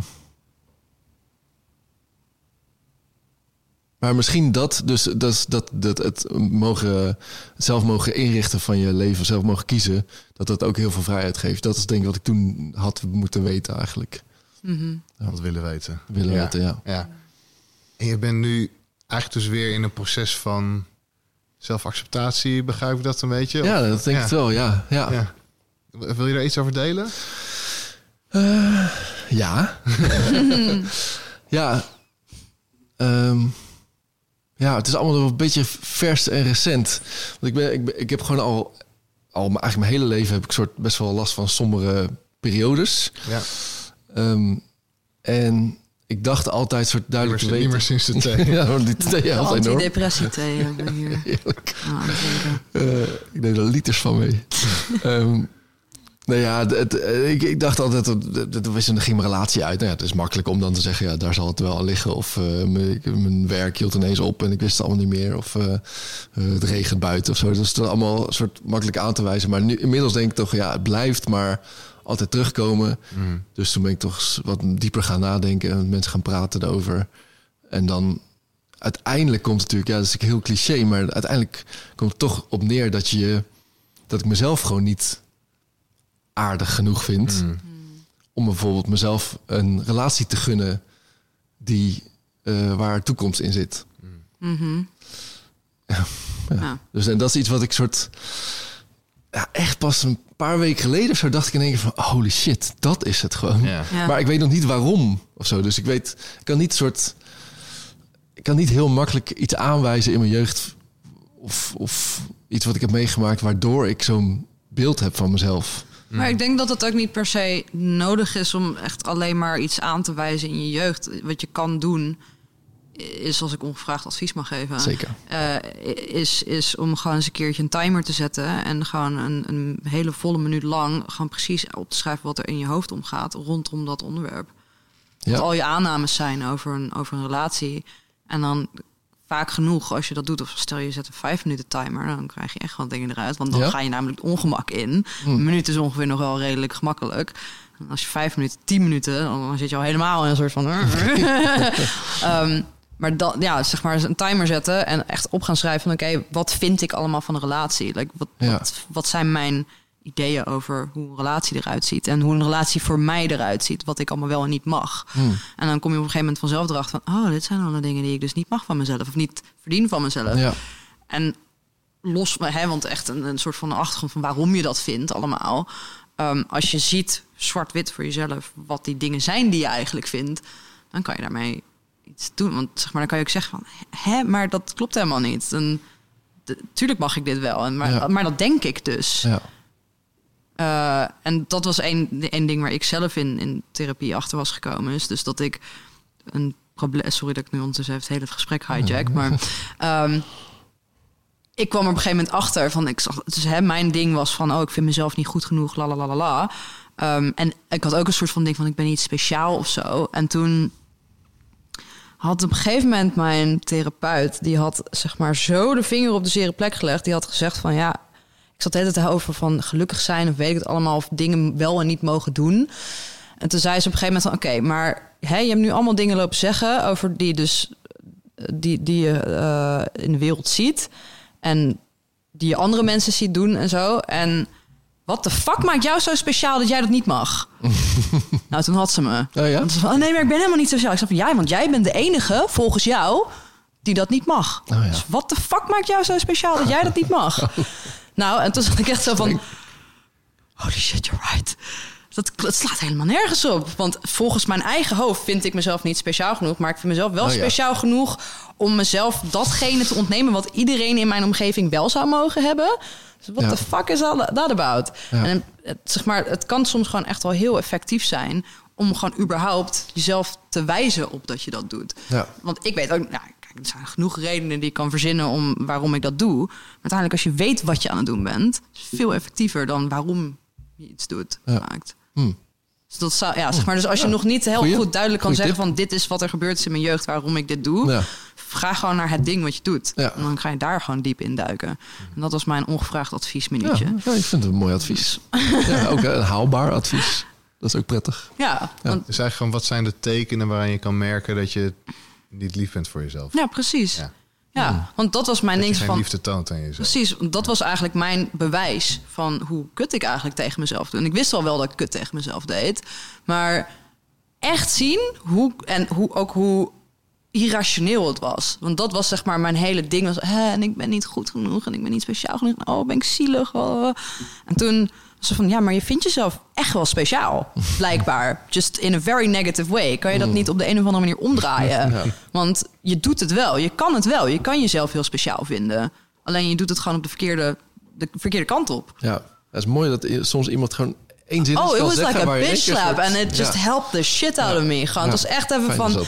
Jezus, Vee, wat... Ja, je, bent precies dat aan het doen. Je bent gewoon de verkeerde kant op aan het richten. Ja.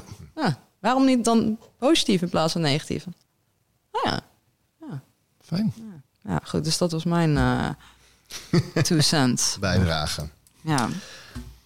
Ja. Ehm, dank voor het delen. Eh, het raakte me ook, moet ik zeggen, dat je Ja. dat zei. Ik zag het. Waarom raakt het je? Ehm, Ja, dat is een goede vraag. Het, het, het doet me gewoon verdriet als ik... eh want ik zie jou natuurlijk gewoon als een leuk persoon, als een fijn persoon. Dus iemand die hier aan tafel komt en ik denk, leuk dat Bram er is. Eh, en het is altijd van buitenaf heel moeilijk om te snappen waarom je niet aardig tegen jezelf zou zijn. Ja. En dat, is het, dat maakt het ook zo pijnlijk. En als je daar. En vaak hebben, hebben mensen dat zelf ook niet door. En als ze er dan op gewezen worden, wat ik natuurlijk ook heel vaak meemaak in mijn werk als coach, dan voel je zelf ook dat verdriet. En, en, en dat is goed om te voelen, want Oh, dan, ja. dan dat is ook een motivator. Eigenlijk dat voelen is al het erkennen van iets wat je al lang niet hebt, herken, hebt erkend of zo. Ja. hè? Het verdriet wat het oplevert om eh, eigenlijk niet aardig tegen jezelf te zijn of niet volledig liefdevol tegen jezelf te zijn. Ehm, in dat verdriet zit al. Dat verdriet is liefde eigenlijk. Mm. Ja. Ja, zeker. Ja, dat is een nee, vergelijkbaar verdriet. want Dat, het dat zie- als je, als Iets je, zien, iets, iets mag gezien worden dan. Als je verdriet Ja. hebt inderdaad voor iets betekent dat je het ziet en dat het er mag zijn. Ja, ik ben eigenlijk verdrietig over het feit dat ik niet aardig genoeg ben voor mezelf. Ja. Dus dat is eigenlijk een teken van liefde. Ja. Ja. Eh, de- en dus het is op, op verschillende manieren vind ik dat, ja, vind ik dat en ontroerend te zien en, het- en het raar, maar- maar dus ook mooi om te zien. Dus, dus Ja. eh, ik, weet, ik weet dat het eh, zo'n mooie stap is in een proces. inderdaad, Ja. naar, Ja. eh, Voelt ook wel inderdaad als een soort begin van iets, eh, van een, weg naar verbetering. ja. Ja. Nou, eh, naar, naar verlievering. Want het is niet een beter iets of Nee, zo. nee. Het is gewoon een, ander, een andere manier met, met jezelf omgaan. Want je Ja. bent al beter. Voelt misschien niet zo, maar dat ben je wel. Het is gewoon dat je even op een andere manier naar je, met jezelf in gesprek gaat. En dat is inderdaad een super kwetsbare en moedige stap als je dat aangaat. Ja. Het is inderdaad super mooi dat je dat, dat je dat doet. En ook dat Weg je dat inderdaad met ons lieveling. Weg naar? Ja, verliever, verlieving. Ja, mooi. ja. Ehm, weg naar verlieving. En op die weg... Dat is dan mijn tip. Hm. Eh, geef, het, eh, ik, geef het lekker de ruimte en de tijd. Ehm, dus je deelde net iets heel kwetsbaars. En, dan, en er kwam vrij snel eh, alweer iets achteraan. Dus, maar het mocht best wel even stil zijn. Oh ja? Ja. Want jij, het, het raakte jou ook. Jawel. het zei. Ja, ja. En dat Dus is blij dat ik het droog hield. ja, precies. Ja. Dus daar, en dat Ja. hoeft natuurlijk ook niet op een podcast of eh, waar dan ook. Maar waar, je de, Mm. waar, je, waar dan ook waar je de ruimte voelt. Ja, je praat, tranen praat er een beetje overheen. Ja, dat die tranen er wel Ja. mogen zijn. En dat het Mm. gevoel er echt mag zijn. Dan eh pak die ruimte. Ja. En eh, wij zien elkaar ook niet zo vaak dat het logisch is om dat hier te doen Mm, misschien. ja. Maar eh, er zijn mensen in je leven bij wie dat wel logisch voelt. Ja. En dan eh doe het. Ja. Of dus opschrijven, dat kan ook. Dat Ja. zijn vaak, dat, zijn, dat is mijn preferred method. Dus, dus om dingen op te schrijven. Want dat is ook een soort van aandacht eraan geven. En Ja. Ja. daardoor liefde eraan geven. Oké, en Mooi. een natuurlijke segue. Super natuurlijke segue. Onderwerp. Yes. Ehm, Zet ik mijn camera even uit. ja, goed. Ehm, ja. Ondertussen thee Hebben jullie een jingle of zo die je er doorheen kan doen? Even een muziekje. Hebben we wel, ja. Oh, oké. ja. We hebben een jingle. Ja. Nou, het is niet een jingle, het is meer een intro Het is- tune. ja, het is ons intro. intro muziekje. Boudewijn de Groot, maar dan door mij gecoverd. Ik wist niet dat het Boudewijn de Groot was. Het is Verdronken Vlinder van Boudewijn de Groot, door mij gecoverd. Ja, kijk je met de auteursrecht. country version. Van, er wordt niet ingezongen, dus... niemand, nie- niemand wist het, tot zo net. Shit, knip het eruit, jongens. Nee, wij doen niet aan editen. Ja. Oh, Dus, ja. Seks. Wil je nog iets? Oh, ja? nog meer seks? Ja. Gaan we nog, nog meer seks hebben? Nee, ehm, ik vertel, vertel nog eens heel even over... Hoe is het dan nu? Als je nu tegen weer iemand... ehm, eh, tegen mensen of situaties aanloopt dat je voelt, oh ja, eigenlijk moet ik nu weer dus uit de Ja, kast komen. zoals Dat had mijn rijleraar, Ja, eh, zo, daar laatst. had ik nooit zo bij stilgestaan. Dat je dat blijft Dat het niet zo is als kind, ik ben uit de kast. Ja. En dat je dan de rest van je leven Ja. zo, ik ben homo, ik ben homo. Ja, die, dat zijn natuurlijk wel eh, homo's die iets meer, iets wat extravaganter zijn. Ja, die, hoeven dus, die hoeven dus minder vaak uit de kast te komen. ja. Maar die kunnen zichzelf ook niet verstoppen. Ja. Dus dat, eh, ik heb wel eens een, discussietje gehad met iemand die wat extravaganter... Toen zei ik iets van, nou, ik wou dat ik iets meer was zoals jij. Hoef je niet de hele tijd mensen te vertellen. Nou, dat was niet, eh, dat was niet goed. Hij zei, ja, maar ik kan nooit bij een sollicitatiegesprek neutraal zijn. Ik ben altijd eh, met mijn handen aan het wapperen, bij wijze Ja. van spreken. ja. Ehm, maar eh, ik, ja, ik, eh, niemand ziet het ooit aan me, bl- blijkbaar. Dus ik moet het altijd inderdaad... Of moet, ja. Mijn rijleraar vroeg dus, heel gevoelig eigenlijk... ehm, mag ik vragen, goed begin... wat is eigenlijk jouw gezins... of ja, wat is jouw woonsituatie of zoiets?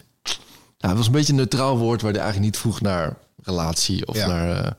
eh, eh, en toen had ik nog een vriend, dus het was gewoon, het voelde heel logisch om dan te zeggen: ik heb een vriend.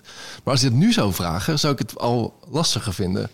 Want dan heb ik helemaal geen reden om te zeggen: ik ben homo. Zo, ik bedoel, ja, eh, ik woon in Hilversum alleen met mijn kat, zou ik dan zeggen. Dus dan, ja, ja. Dat Maar waarschijnlijk zou hij dan een vervolgvraag stellen. heb je een vriendin. Is die een mannetjes- of vrouwtjeskant? Ja, ja da- ik denk dat hij dan inderdaad misschien wel eh, zou vragen: heb je een vrouw of een vriendin? Hij vroeg trouwens: inderdaad, heb je kinderen? Maar ja, dat kan natuurlijk nog Ja, steeds. dat is allebei. inderdaad Ja. de soort van de makkelijkste vraag om mee te Ja. beginnen voor veel mensen. Van, heb je kinderen? Ja. Want dan, hè, zeg maar... Van, Nou, ik vond het wel leuk dat hij het dus heel voorzichtig aanpakte. Want dat gaat lang niet altijd zo. En ik dacht juist van een rijinstructeur... Ja, waren mijn verwachtingen niet super hoog op dat gebied. Het gebied van sensitiviteit. Maar het is een hele aardige vent. Ehm, Het zijn ook maar mensen. ja. Ehm, dus het is altijd nog wel spannend. Maar ik ben niet meer zo bang voor... ehm, voor oordelen of zo. Of dat iemand me dan niet meer aardig vindt. Dat maakt me dan niet Ja. zo heel veel meer uit. Ja. Eh, het is sterker nog, ik denk dan, ja, als ik, als ik weet van jou wat je daarover denkt en je, dan, dan kan ik bepalen of ik wel bevriend met jou wil zijn. Ja. Of dan kan ik bepalen of ik jou in mijn leven wil. Ja. In het geval van die rijleraar was het wel onhandig geweest als hij ontzettend hork bleek te zijn. Ja. Want ik moest er heel lang met hem door. Ja. Maar dan was ik misschien wel iemand anders gaan zoeken. Ja. Ja. Dus dan, ik accepteer gewoon niet meer dat, dat, dat mensen mij niet accepteren, Ja. ja. Ja. denk ik. Dat is wel heel mooi. Ja. Ik accepteer, dat, ik accepteer nu dat andere mensen mij niet accepteren. Nee, ik accepteer niet Nou, meer ik accepteer, ja, sorry, ik Ja. accepteer niet Ja. dat andere mensen mij niet accepteren. Ja, nee. sorry, dat, dat is heel, Ja, dus heel je mooi. maakt een, een, een, een keuze niet meer van, eh, vanuit het idee van ik pas er niet helemaal tussen, maar Ja. eh, je, ma- je maakt zelf Ja. je kringen waarvan je voelt eh, hier, Precies, hier ja. pas ik tussen Ja. en daar wil ik dan ook zijn. Ja, en dat is ook echt een. eh, eh, dat komt ook omdat ik gewoon veel meer homo-vrienden heb gekregen. En, en, en ik, ik zat ook altijd in een beetje in de muziekwereld. En dan niet in de, in de muziekwereld waar veel homo's zijn. Maar eh, een beetje die punkwereld. En het was gewoon altijd zo'n hetero bestaan, leid ik Mm. eigenlijk. Dus ik was Ja. altijd een soort eh, vreemde eend. En toen ontdekte, ontdekte ik op een gegeven moment gewoon... ja, maar het is eigenlijk wel echt heerlijk om een vriendengroep te hebben... met allemaal homo's, waar je gewoon... ja, waar, je, waar dat gewoon helemaal niet meer... waar je daar nooit eh, ongemakkelijk over hoeft te voelen. Mm. Ja. Dus dat... en dat Is dat niet ook eigenlijk heel jammer dat dat, dat, dat zo is? Of is dat heel, Ja, is dat heel, is dat heel, heel logisch? ik denk Want dat het niet kan- te vermijden is. Ja, want dat is zeg maar, het, ik, ik- hè, en dat is iets wat ik dan zelf nu merk in, in dit gesprek, wat bij mij naar boven komt. Is dus het feit dat je inderdaad vanwege je geaardheid constant dat moet vertellen aan andere mensen. Dat dat is best wel oneerlijk eigenlijk. Zeg maar. Ja. Dus dat van als je hetero bent, dus dat je dat dat eigenlijk altijd voor lief genomen wordt. Ja. En dus dat je ook nooit hoeft uit te leggen wat jouw voorkeur of zeg maar ja, wat jouw situatie, of weet je wel, wat je situatie is überhaupt. Nee. En dus ook dat, dat het zoveel uitmaakt wat voor soort mensen er om je heen zijn. eh, met hoe veilig je je voelt. Ja, En ja, dat- ja, in die zin is het, is het wel jammer, maar ik ervaar het juist als iets heel eh het is, het leuks super fijn dat je dat. Ja. hebt, Ja. maar het, het voelt ergens ook een soort van Niet eerlijk. niet Zo, eerlijk dat het zo daarvan af, zeg maar, Ja. ja, dat, dat zeg maar dat er zo weinig ruimte is voor mensen om zich veilig en vastgehouden te voelen vanwege zo'n eigenlijk best wel een klein onderdeel van wie ze zijn. ja, Want het is ook maar, het is ook maar een klein onderdeel uiteindelijk. We doen alsof het een soort van enorm iets is, omdat het ervan gemaakt wordt. Ja. Terwijl je bent een Ja, maar het blijkt toch wel Blijkt invloed te hebben op allerlei Ja. aspecten van je leven... waar je dan niet zo per se bij stilstaat. ja, Eh, dus, Ja. ja. Ja. Ze noemen dat de chosen family in de queer wereld. Mm. En zo voelt het inderdaad. Een soort, eh, terwijl ik dus een hele leuke familie heb en Ja. een leuke hetero vrienden Ja. heb ook. Ja. Maar, ja. eh, En een daar leuke chosen family. Ja, en een hele Ja. leuke chosen family. Ja, Eigenlijk ook een rijkdom dus. Ja, Ja. ik voel het echt als rijkdom. Ja. Ja. Mooi. Nou, dat is wel echt heel fijn. Ja. Hoe, ehm, als je terugkijkt op uit je kast komen, wat zou je voor adviezen geven aan mensen die dat nog eh, Oh ja. zouden willen moeten doen? Ja. Ehm, ik krijg best wel vaak die vraag van, eh, van jonge eh, jongens meestal. Ja. Eh, en eigenlijk heb ik ook het idee dat alle adviezen die ik geef, dat niemand daar ooit iets mee doet. Maar dat Ja. geldt misschien wel voor alle adviezen ooit.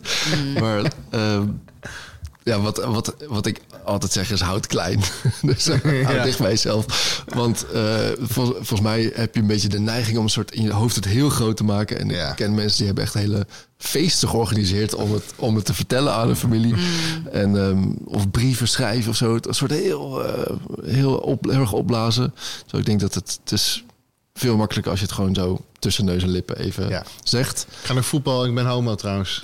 Bijvoorbeeld. Ja. Ja. Ja. nou ja, misschien dan gelijk weggaan is Ja.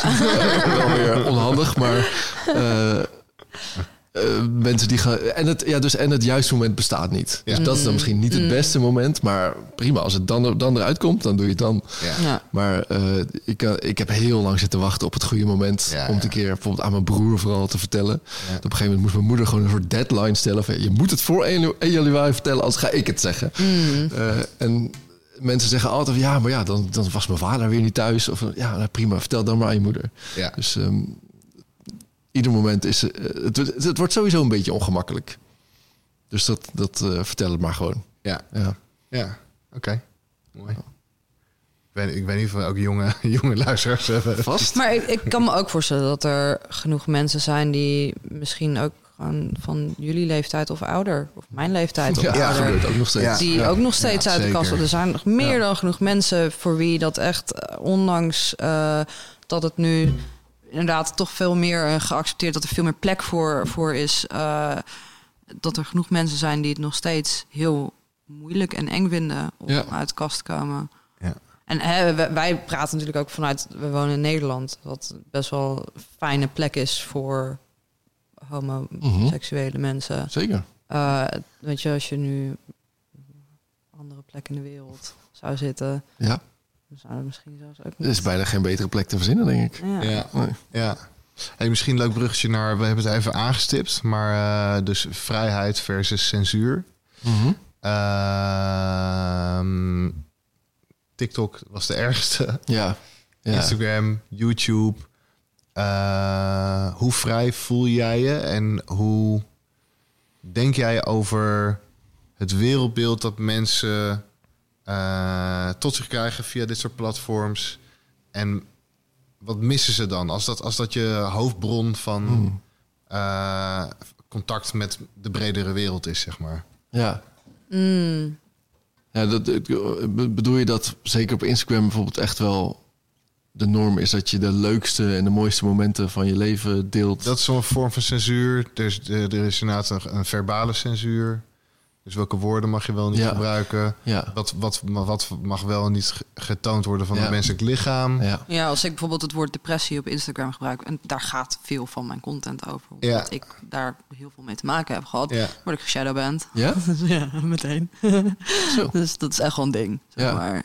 Eh, dus ja, de censuur. eh, Dat, ik kan me ook voorstellen dat dat als, Ja. als je Oh, als ja, je ik begrijp denk ik als meer je- wat je bedoelt. als Ja, je inkomsten er ook van afhangt. Ja. Want bij mij is dat bijvoorbeeld bij mijn Instagram is dat niet het geval. Eh, Ja. Godzijdank. Eh, ik maak me wel, wel zorgen over na. Dus mensen die, dus die, je kinderen van nu, die gewoon de hele dag alleen maar op TikTok zitten. En dat is dan dus inderdaad hun wereldbeeld. En daar, ja, daar staan wel eens wat rare dingen op TikTok, maar allemaal een beetje omvloerst. Maar dat is inderdaad dus helemaal geen compleet beeld van de wereld. Want daar mag niks. Weet je, je mag niet eens over oorlog hebben. Je mag niet over seks hebben. Je mag niet over depressie hebben. Je mag het niet over mhm. TikTok is ook helemaal gedepolitiseerd. eh, of, eh, Ja, als, je, als er iets op staat, dan is het, een, dan is het met allemaal is het anders gespeld. Ja, bijvoorbeeld. seks Dus is dan Ah. S-E-G-G-S. precies, Ja. En dan als ze geloof Maar- ik hebben ze dan als het over het is het ook weer suicide is unlive of Ja, zo, ja, zeg maar, allemaal ja. van dat soort rare Ja, unalived. unalived, ja, Ja. precies. Unalived dat je echt ja. zoiets hebt van Maar, en daarmee, ik bedoel, dan, dan staat het er wel op, maar dan krijg je dus weer het idee dat, het, dat je het er niet over mag hebben. Dat je het niet mag normaal mag Mhm. precies, het zet een counterproductive. een, nieuw, een nieuw taboe Ja, oh eigenlijk. ja, en Ja. ook het feit dat mannelijke tepels wel mogen, maar vrouwelijke Ja. tepels niet. Want, Ja. hè, want dan kunnen we het daar gewoon ook een keertje over eens zijn. There's Ja. Ja, dus op, about op TikTok zijn ze ook op mannelijke tepels heel, eh, heel streng. TikTok? Oh, zeg, echt? Oh, oké. Ja. Ja, oké. Nou, weet hem dat ook weer. Hoef ik daar ook niet meer op te kijken. ik wil alleen maar mannelijke tepels zien namelijk. Ja. enige waar ik iets om geef. Nee, dat is wel een, een eh, vreemd idee. Dat er dus mensen zijn die, voor wie dat, die daarmee opgroeien, dat dat de wereld is. Ja. Mhm. Eh, dan ben ik toch wel blij dat ik nog een tijdje heb meegemaakt dat, dat internet er niet was. Dus dat is wel. ehm, Ja, want? Ja. Wat, wat, eh, wat geeft dat voor extra soort van... nou, dus ik kan wel eh, nog een soort onderscheid maken tussen. Voor mij is er in ieder geval wel echt een onderscheid tussen de echte wereld en internet. Ja. Mm. Eh, en ik denk dat eigenlijk voor kinderen nu, die de hele dag op een telefoon zitten, dat, Ja. dat nou, ik zie het aan de, de zoons van mijn vrienden, dat die, eh, dat hun leven is gewoon helemaal verweven met hun telefoon. Ja. Zeg maar wat er op school gebeurt, gaat gewoon meteen verder op Snapchat als ze weer thuis zijn. Het is gewoon helemaal één. Ja. Dus dat, en dat lijkt me toch wel een eh, raar idee. Omdat mensen zich gewoon anders gedragen op, op internet. En Ja. andere dingen durven te zeggen. En ja, anders met elkaar omgaan. En wat voor rol speelt jouw vlog daar dan in? Als, als dat een rol, zeg maar, waar zie jij jezelf binnen het spectrum van, Ja, van social media? En, ja, nou ja, ik probeer dus wel volledig te zijn. Dus niet, mezelf niet te veel te censureren. Ja. En me ook niet te veel aan te, laten, aan te trekken door wat YouTube allemaal censureert. Want op zich is YouTube redelijk makkelijk. Dus je mag eigenlijk wel alles erop zetten. Maar als ze vinden dat het over grens gaat, dan zetten ze gewoon de advertenties uit. ja, Dus dan mag er wel op staan, maar je verdient er niks meer mee. aha. Eh, en dat is dan soms een keuze die ik maak. Dus dan weet ik, oké, dit was een heel expliciet verhaal over seks of over eh, geweld. Nou, meestal over seks. Ja. dan, dan weet ik gewoon, de, de advertenties kan ik wel naar fluiten. Maar Ja. dan, ja, dan kies ik daar dan gewoon voor. Ja. En dus dan vind ik wel belangrijk dat het er ook is. Ja, maar dat kan dus wel. eh, het gaat dan niet over je hele account, zeg maar. eh, dat zijn Nee. alle video's. de nee, ja, dan moet je wel heel bond maken. Ja, maar dat gebeurt ook wel. Ja. Ja. Ja, Maar ik hoop, ik ga er ook gewoon vanuit dat mensen niet alleen maar mijn video's consumeren. Dus dat ze ook nog gewoon wel naar het nieuws kijken. En eh, eh, ja, mensen vragen de laatste tijd natuurlijk de hele tijd waarom ik niks over, over Israël en eh, Palestina heb gezegd op mijn Ja. social media. Maar heb je bijvoorbeeld iets over andere oorlogen gezegd? Nee, Nee, dus dan nee dat het bestaat eigenlijk maar- gewoon niet. Maar dus ik wel- stel dat je in mijn vlog, dus als je alleen maar dat consumeert, dan is er geen oorlog. nee, er is er geen oorlog. Dat is wel Oh, een beetje wat gek. wereld. Ja, ja, ja. Ja, als iemand die al meer dan 15 jaar eh, het nieuws niet kijkt, dat is wel de wereld waarin ik eh, probeer te leven. Ja. Ik weet het, ik ga Ja, heel veel, beetje, waarschijnlijk veel redelijk wat reacties op krijgen. ja. Nee, ja. De, vraag van inderdaad of jij iets wel of niet eh inclus, hoe dat, include in jouw persoonlijke narratief. Want dat is waar we naar kijken natuurlijk. Dus Ja. waar, waar jouw leven over gaat. ja. Dus als jij inderdaad dan iets bewust wel of niet in jouw leven meeneemt, ja. eh, dan, ja, dan, dan Ja, ja, ja, dat ja. reflecteert in wat jij Ja, creëert. dat denk ik wel. En Ja. ook natuurlijk de manier waarop ik het laat zien. Dus eh, ik maak heel veel, eh, heel, ik maak heel veel dingen mooi en rustig. Ja. Mm. Dus eh, rustige muziekjes en mooie Ja. beelden van de natuur en zo. Eh, ik, moet, ik moet altijd denken aan de, aan de tegenstelling dat als ik met mijn drone ga vliegen, mensen altijd reageren van oh wat een mooie rustgevende beelden. Terwijl in werkelijkheid is dat ding deze zo dat geluid aan het maken. Terwijl ik je beweeg. En, ik ben een soort hele tijd soort in paniek van vlieg ik niet tegen een boom, maar is dat ding kan ik nog wel zien. Dus het is het meest stressvolle wat er is. En mensen genieten dan helemaal van hoe rustgevend dat is. Ja. Ja. En dat vind ik een soort heel metaforisch voor hoe het soms is. Want dan zie je mij zo mooi door het bos lopen. Maar dat betekent dat ik dus met die camera daar naartoe ben gelopen. Dat ding heb neergezet, Ja. aangezet, terug ben gelopen en nog een keer ben langs gelopen. Ja, ja, ja, Dus precies. dus het is alsnog een soort romantisering van mijn leven. Ja. Ja, uiteraard. Ja. ja. Dus ik En- hoop gewoon dat mensen iets, nog een soort andere dingen daarnaast kijken. Ja. maar is, eh, ehm, eh, laat je zo'n oorlog ook bewust buiten beschouwing? Of, eh, ik weet gewoon nu niet zo goed wat ik erover moet zeggen. Nee, maar het is ook wel deels bewust omdat ik weet. En ik, ja, eh, ik vind dat, dit, dat mijn vlog er mag zijn om juist afleiding daarvan te vinden. ja. Dus ik heb het benoemend soms wel dat het bestaat. En dan zeg ik iets, ja, ik ga ervan uit dat je het, je bronnen, je nieuwsbronnen ergens anders vandaan haalt Ja. dan van mijn vlog. Want ik kan me ook gewoon goed voorstellen dat sommige dingen, weet je, ook al is het op dit moment actueel in de wereld, als iets niet met jou persoonlijk te maken heeft op dat moment, dan heeft het wat voor wat voor nut heeft het Ja. dan precies om daar dan iets over te zeggen? Weet Ja. je, ik bedoel, er zijn eh, de afgelopen paar jaar bijvoorbeeld heel veel discussies geweest over transrechten en dat soort dingen. En ben zelf, weet je, ik ben, dat heeft heel weinig met mij als, als, als eh, cis vrouw te maken. Dus zeg maar, ja, ik kan wel mijn support geven aan mensen Ja, waar ik dat vind dat, dat, dat, zeg maar, dat die support nodig hebben. Ja. Om daar soort van heel vocaal iets over te zeggen zelf. Ik vaak zoiets van, ja, maar het heeft letterlijk niks met mij te maken. Nee, ja, en ja, het zou toch wel mooi zijn als je er misschien wel iets over zei. Nee, maar wat ik Als soort ally. Ja, maar Ja. het is zeg maar dat ik probeer te zeggen van. Ik, ja, wat ik probeer te zeggen is, Ja, ik, ik geef te sport waar het nodig is, maar Ja. zeg maar waar in, in Ja. welke vorm, in welke mate is dat nodig voor mij om daar heel super vocaal een soort van een hele post over te gaan maken of Nee, wat dan ook. Terwijl nee, dat in dat mijn dagelijks leven eigenlijk bijna niet voorkomt, behalve dat ik dan vrienden en kennissen heb die dus tenzij er echt iets soort van op, op mijn drempel ligt. En Israël ligt bijvoorbeeld niet op mijn drempel Nee. Op dit moment. ja. En Ja, dat is en- natuurlijk en ook een heel, het- heel eh, privileged iets om te Het werkt doen. juist ook wel andersom. Dus sommige dingen liggen heel erg op mijn drempel. Eh, bijvoorbeeld, eh, maar daar kies ik dus heel bewust voor om, die, om, daar, niet, om daar niet over te hebben. Bijvoorbeeld eh, als er anti-homo geweld is en dat is in het nieuws. Ja. Dat zie je nooit in mijn vlogs, nooit in Ja. mijn Instagram stories. Ik ga nooit het nieuws delen van... oh, er is weer eh, iemand in elkaar geslagen. Ja. Of, eh, Ja. Want dat wordt al genoeg rondgepompt. ja, precies. Dus want dat, is, dat, is wat je overal ziet. ook een ding, inderdaad. Eh, en dan heb je toevallig... Perpetuating horrible stories. Ja. Door het daarover te... En dat Ja, is zeg maar wat ik ook probeer... Er zijn genoeg mensen die het daarover hebben, dus ik hoef Ja. daar niet per se iets aan bij Ja. te dragen. Maar het is ook iets als je, als je, als je uit de kast komt, als je jong bent, dat je dus gaat googlen van eh, hoe zit dat eigenlijk, wat betekent dat eigenlijk? En dan vind je dus eerst inderdaad homogeweld, mensen die Ah, elkaar ja. geslagen zijn, Ah, ja. protesten in, eh, Ja. tegen de Pride. eh.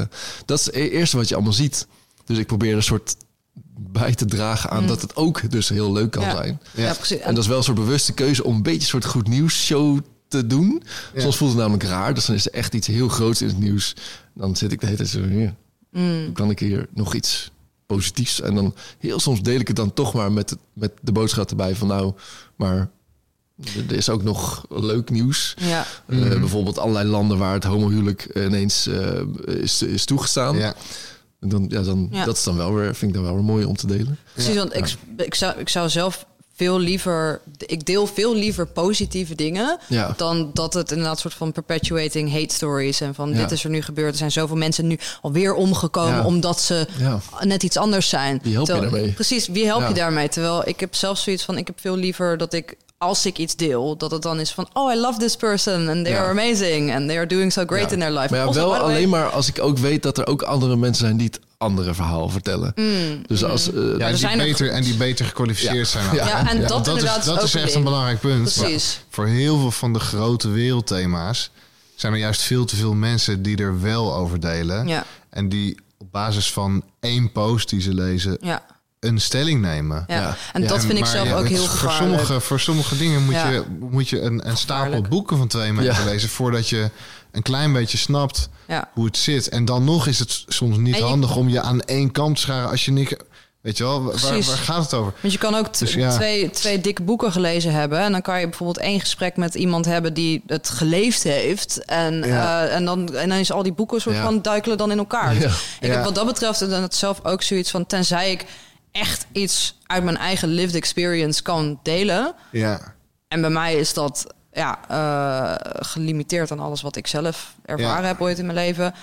ga ik daar gewoon niks over zeggen. Nee, en zelfs met een onderwerp als transrechten weet ik bijvoorbeeld veel te weinig Ik, van ik weet er inderdaad heel er weinig van. iets over te kunnen zeggen. Nou weet ja, precies. Ik vind, ik, weet je, iedereen Ja. heeft rechten en iedereen hoort gewoon, zeg maar, zich Ja. veilig te voelen. En eh, iedereen hoort gewoon recht te hebben op eh, medische aandacht en medische Ja, ongeacht precies. over hoe, weet je, wat, ja, wat er in iemand zijn psyche omgaat of in, ja, ja.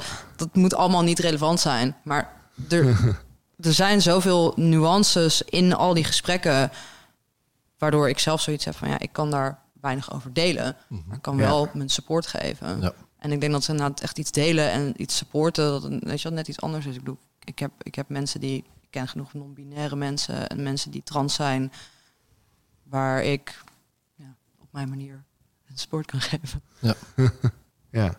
Maar ik weet niet waarom ik het nu per se over trans mensen heb. Nee, ja, dat weet ik. Dat, Nou, het was veel in gewoon- het nieuws de laatste tijd natuurlijk. Nou ja, goed, dat, dat, Dat kijken wij dus allebei niet.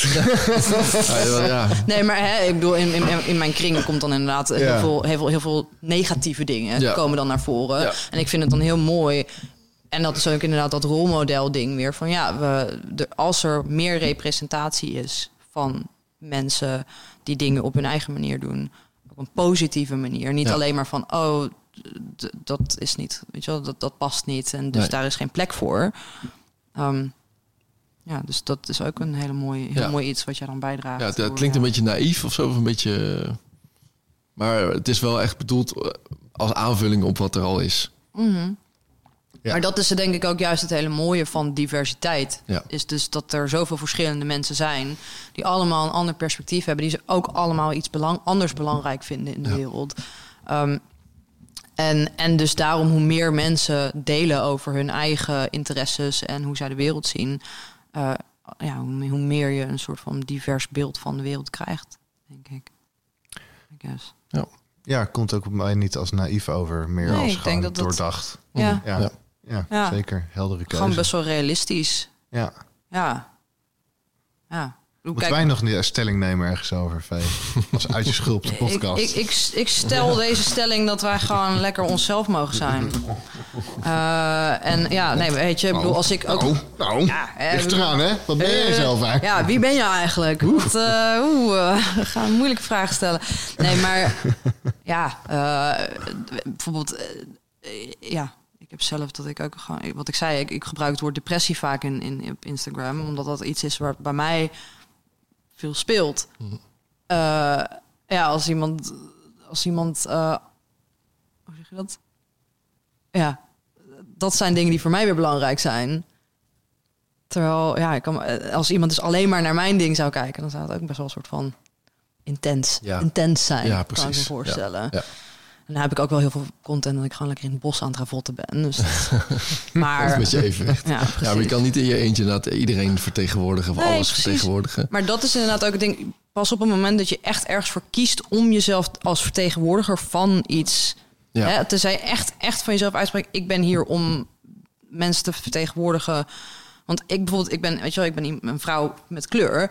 Ja, ik ben ook niet een vertegenwoordiger van iedereen met kleur. En zeker niet van elke vrouw met kleur. Dus dat- zo zie ik mezelf ook helemaal niet. Dus op het moment dat ik dan bijvoorbeeld.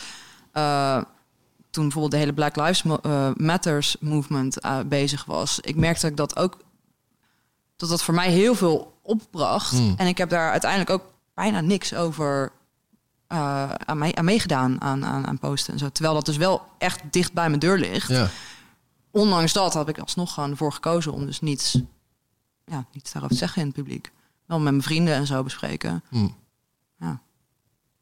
Ik weet niet wat, wat mijn punt verder was. Verder. Maar niet uit. Daarover. Dat is helder. Ja. Ik sta nu klaar. Eh, ja, la- ik, eh, ik denk het wel. We zijn redelijk wat, eh, wat thema's langs, langs gestoven in, Ja. het, eh, in dit mooie gesprek. Eh, we hebben zelfs eh, voor het eerst wat videobeelden, dankzij, eh, dankzij Bram. Ja. En eh, heb jij nog een afsluitende afsmijter, uitsmijter? Nee, ik denk dat we het gewoon net als de vorige aflevering moeten doen. Gewoon hè, eh, de, de grote vraag. Doe maar. Ja, Oh, dat ja. Als jij veelbelovend. onze, onze lieve schulpdieren, want zo heten onze luisteraars. Zo heet jullie. Zo heet, dat hebben wij besloten. Ehm, als jij onze luisteraars eh, iets zou kunnen meegeven, advies zou kunnen geven over hoe zij uit hun schulp kunnen komen. Iets wat jou bijvoorbeeld geholpen heeft in jouw eigen uit je schulp komende eh, momenten. Wat zou je dan aan ze meegeven? Ja.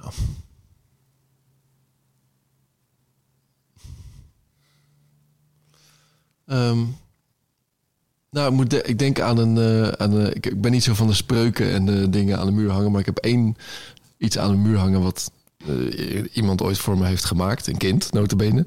Eh en er staat: Bram, leef zoals je wil. Ja, maar de kinderen zijn ook het wijst. Ja, eigenlijk wel, ja. En dat, was, dat heb ik toen een soort in ontvangst genomen. Ik dacht, oké, ja, mooi. Ehm, maar dat is toen een beetje mijn levensmotto geworden. En een beetje het motto van mijn YouTube-kanaal. En ook een beetje de boodschap die ik wil vertellen van...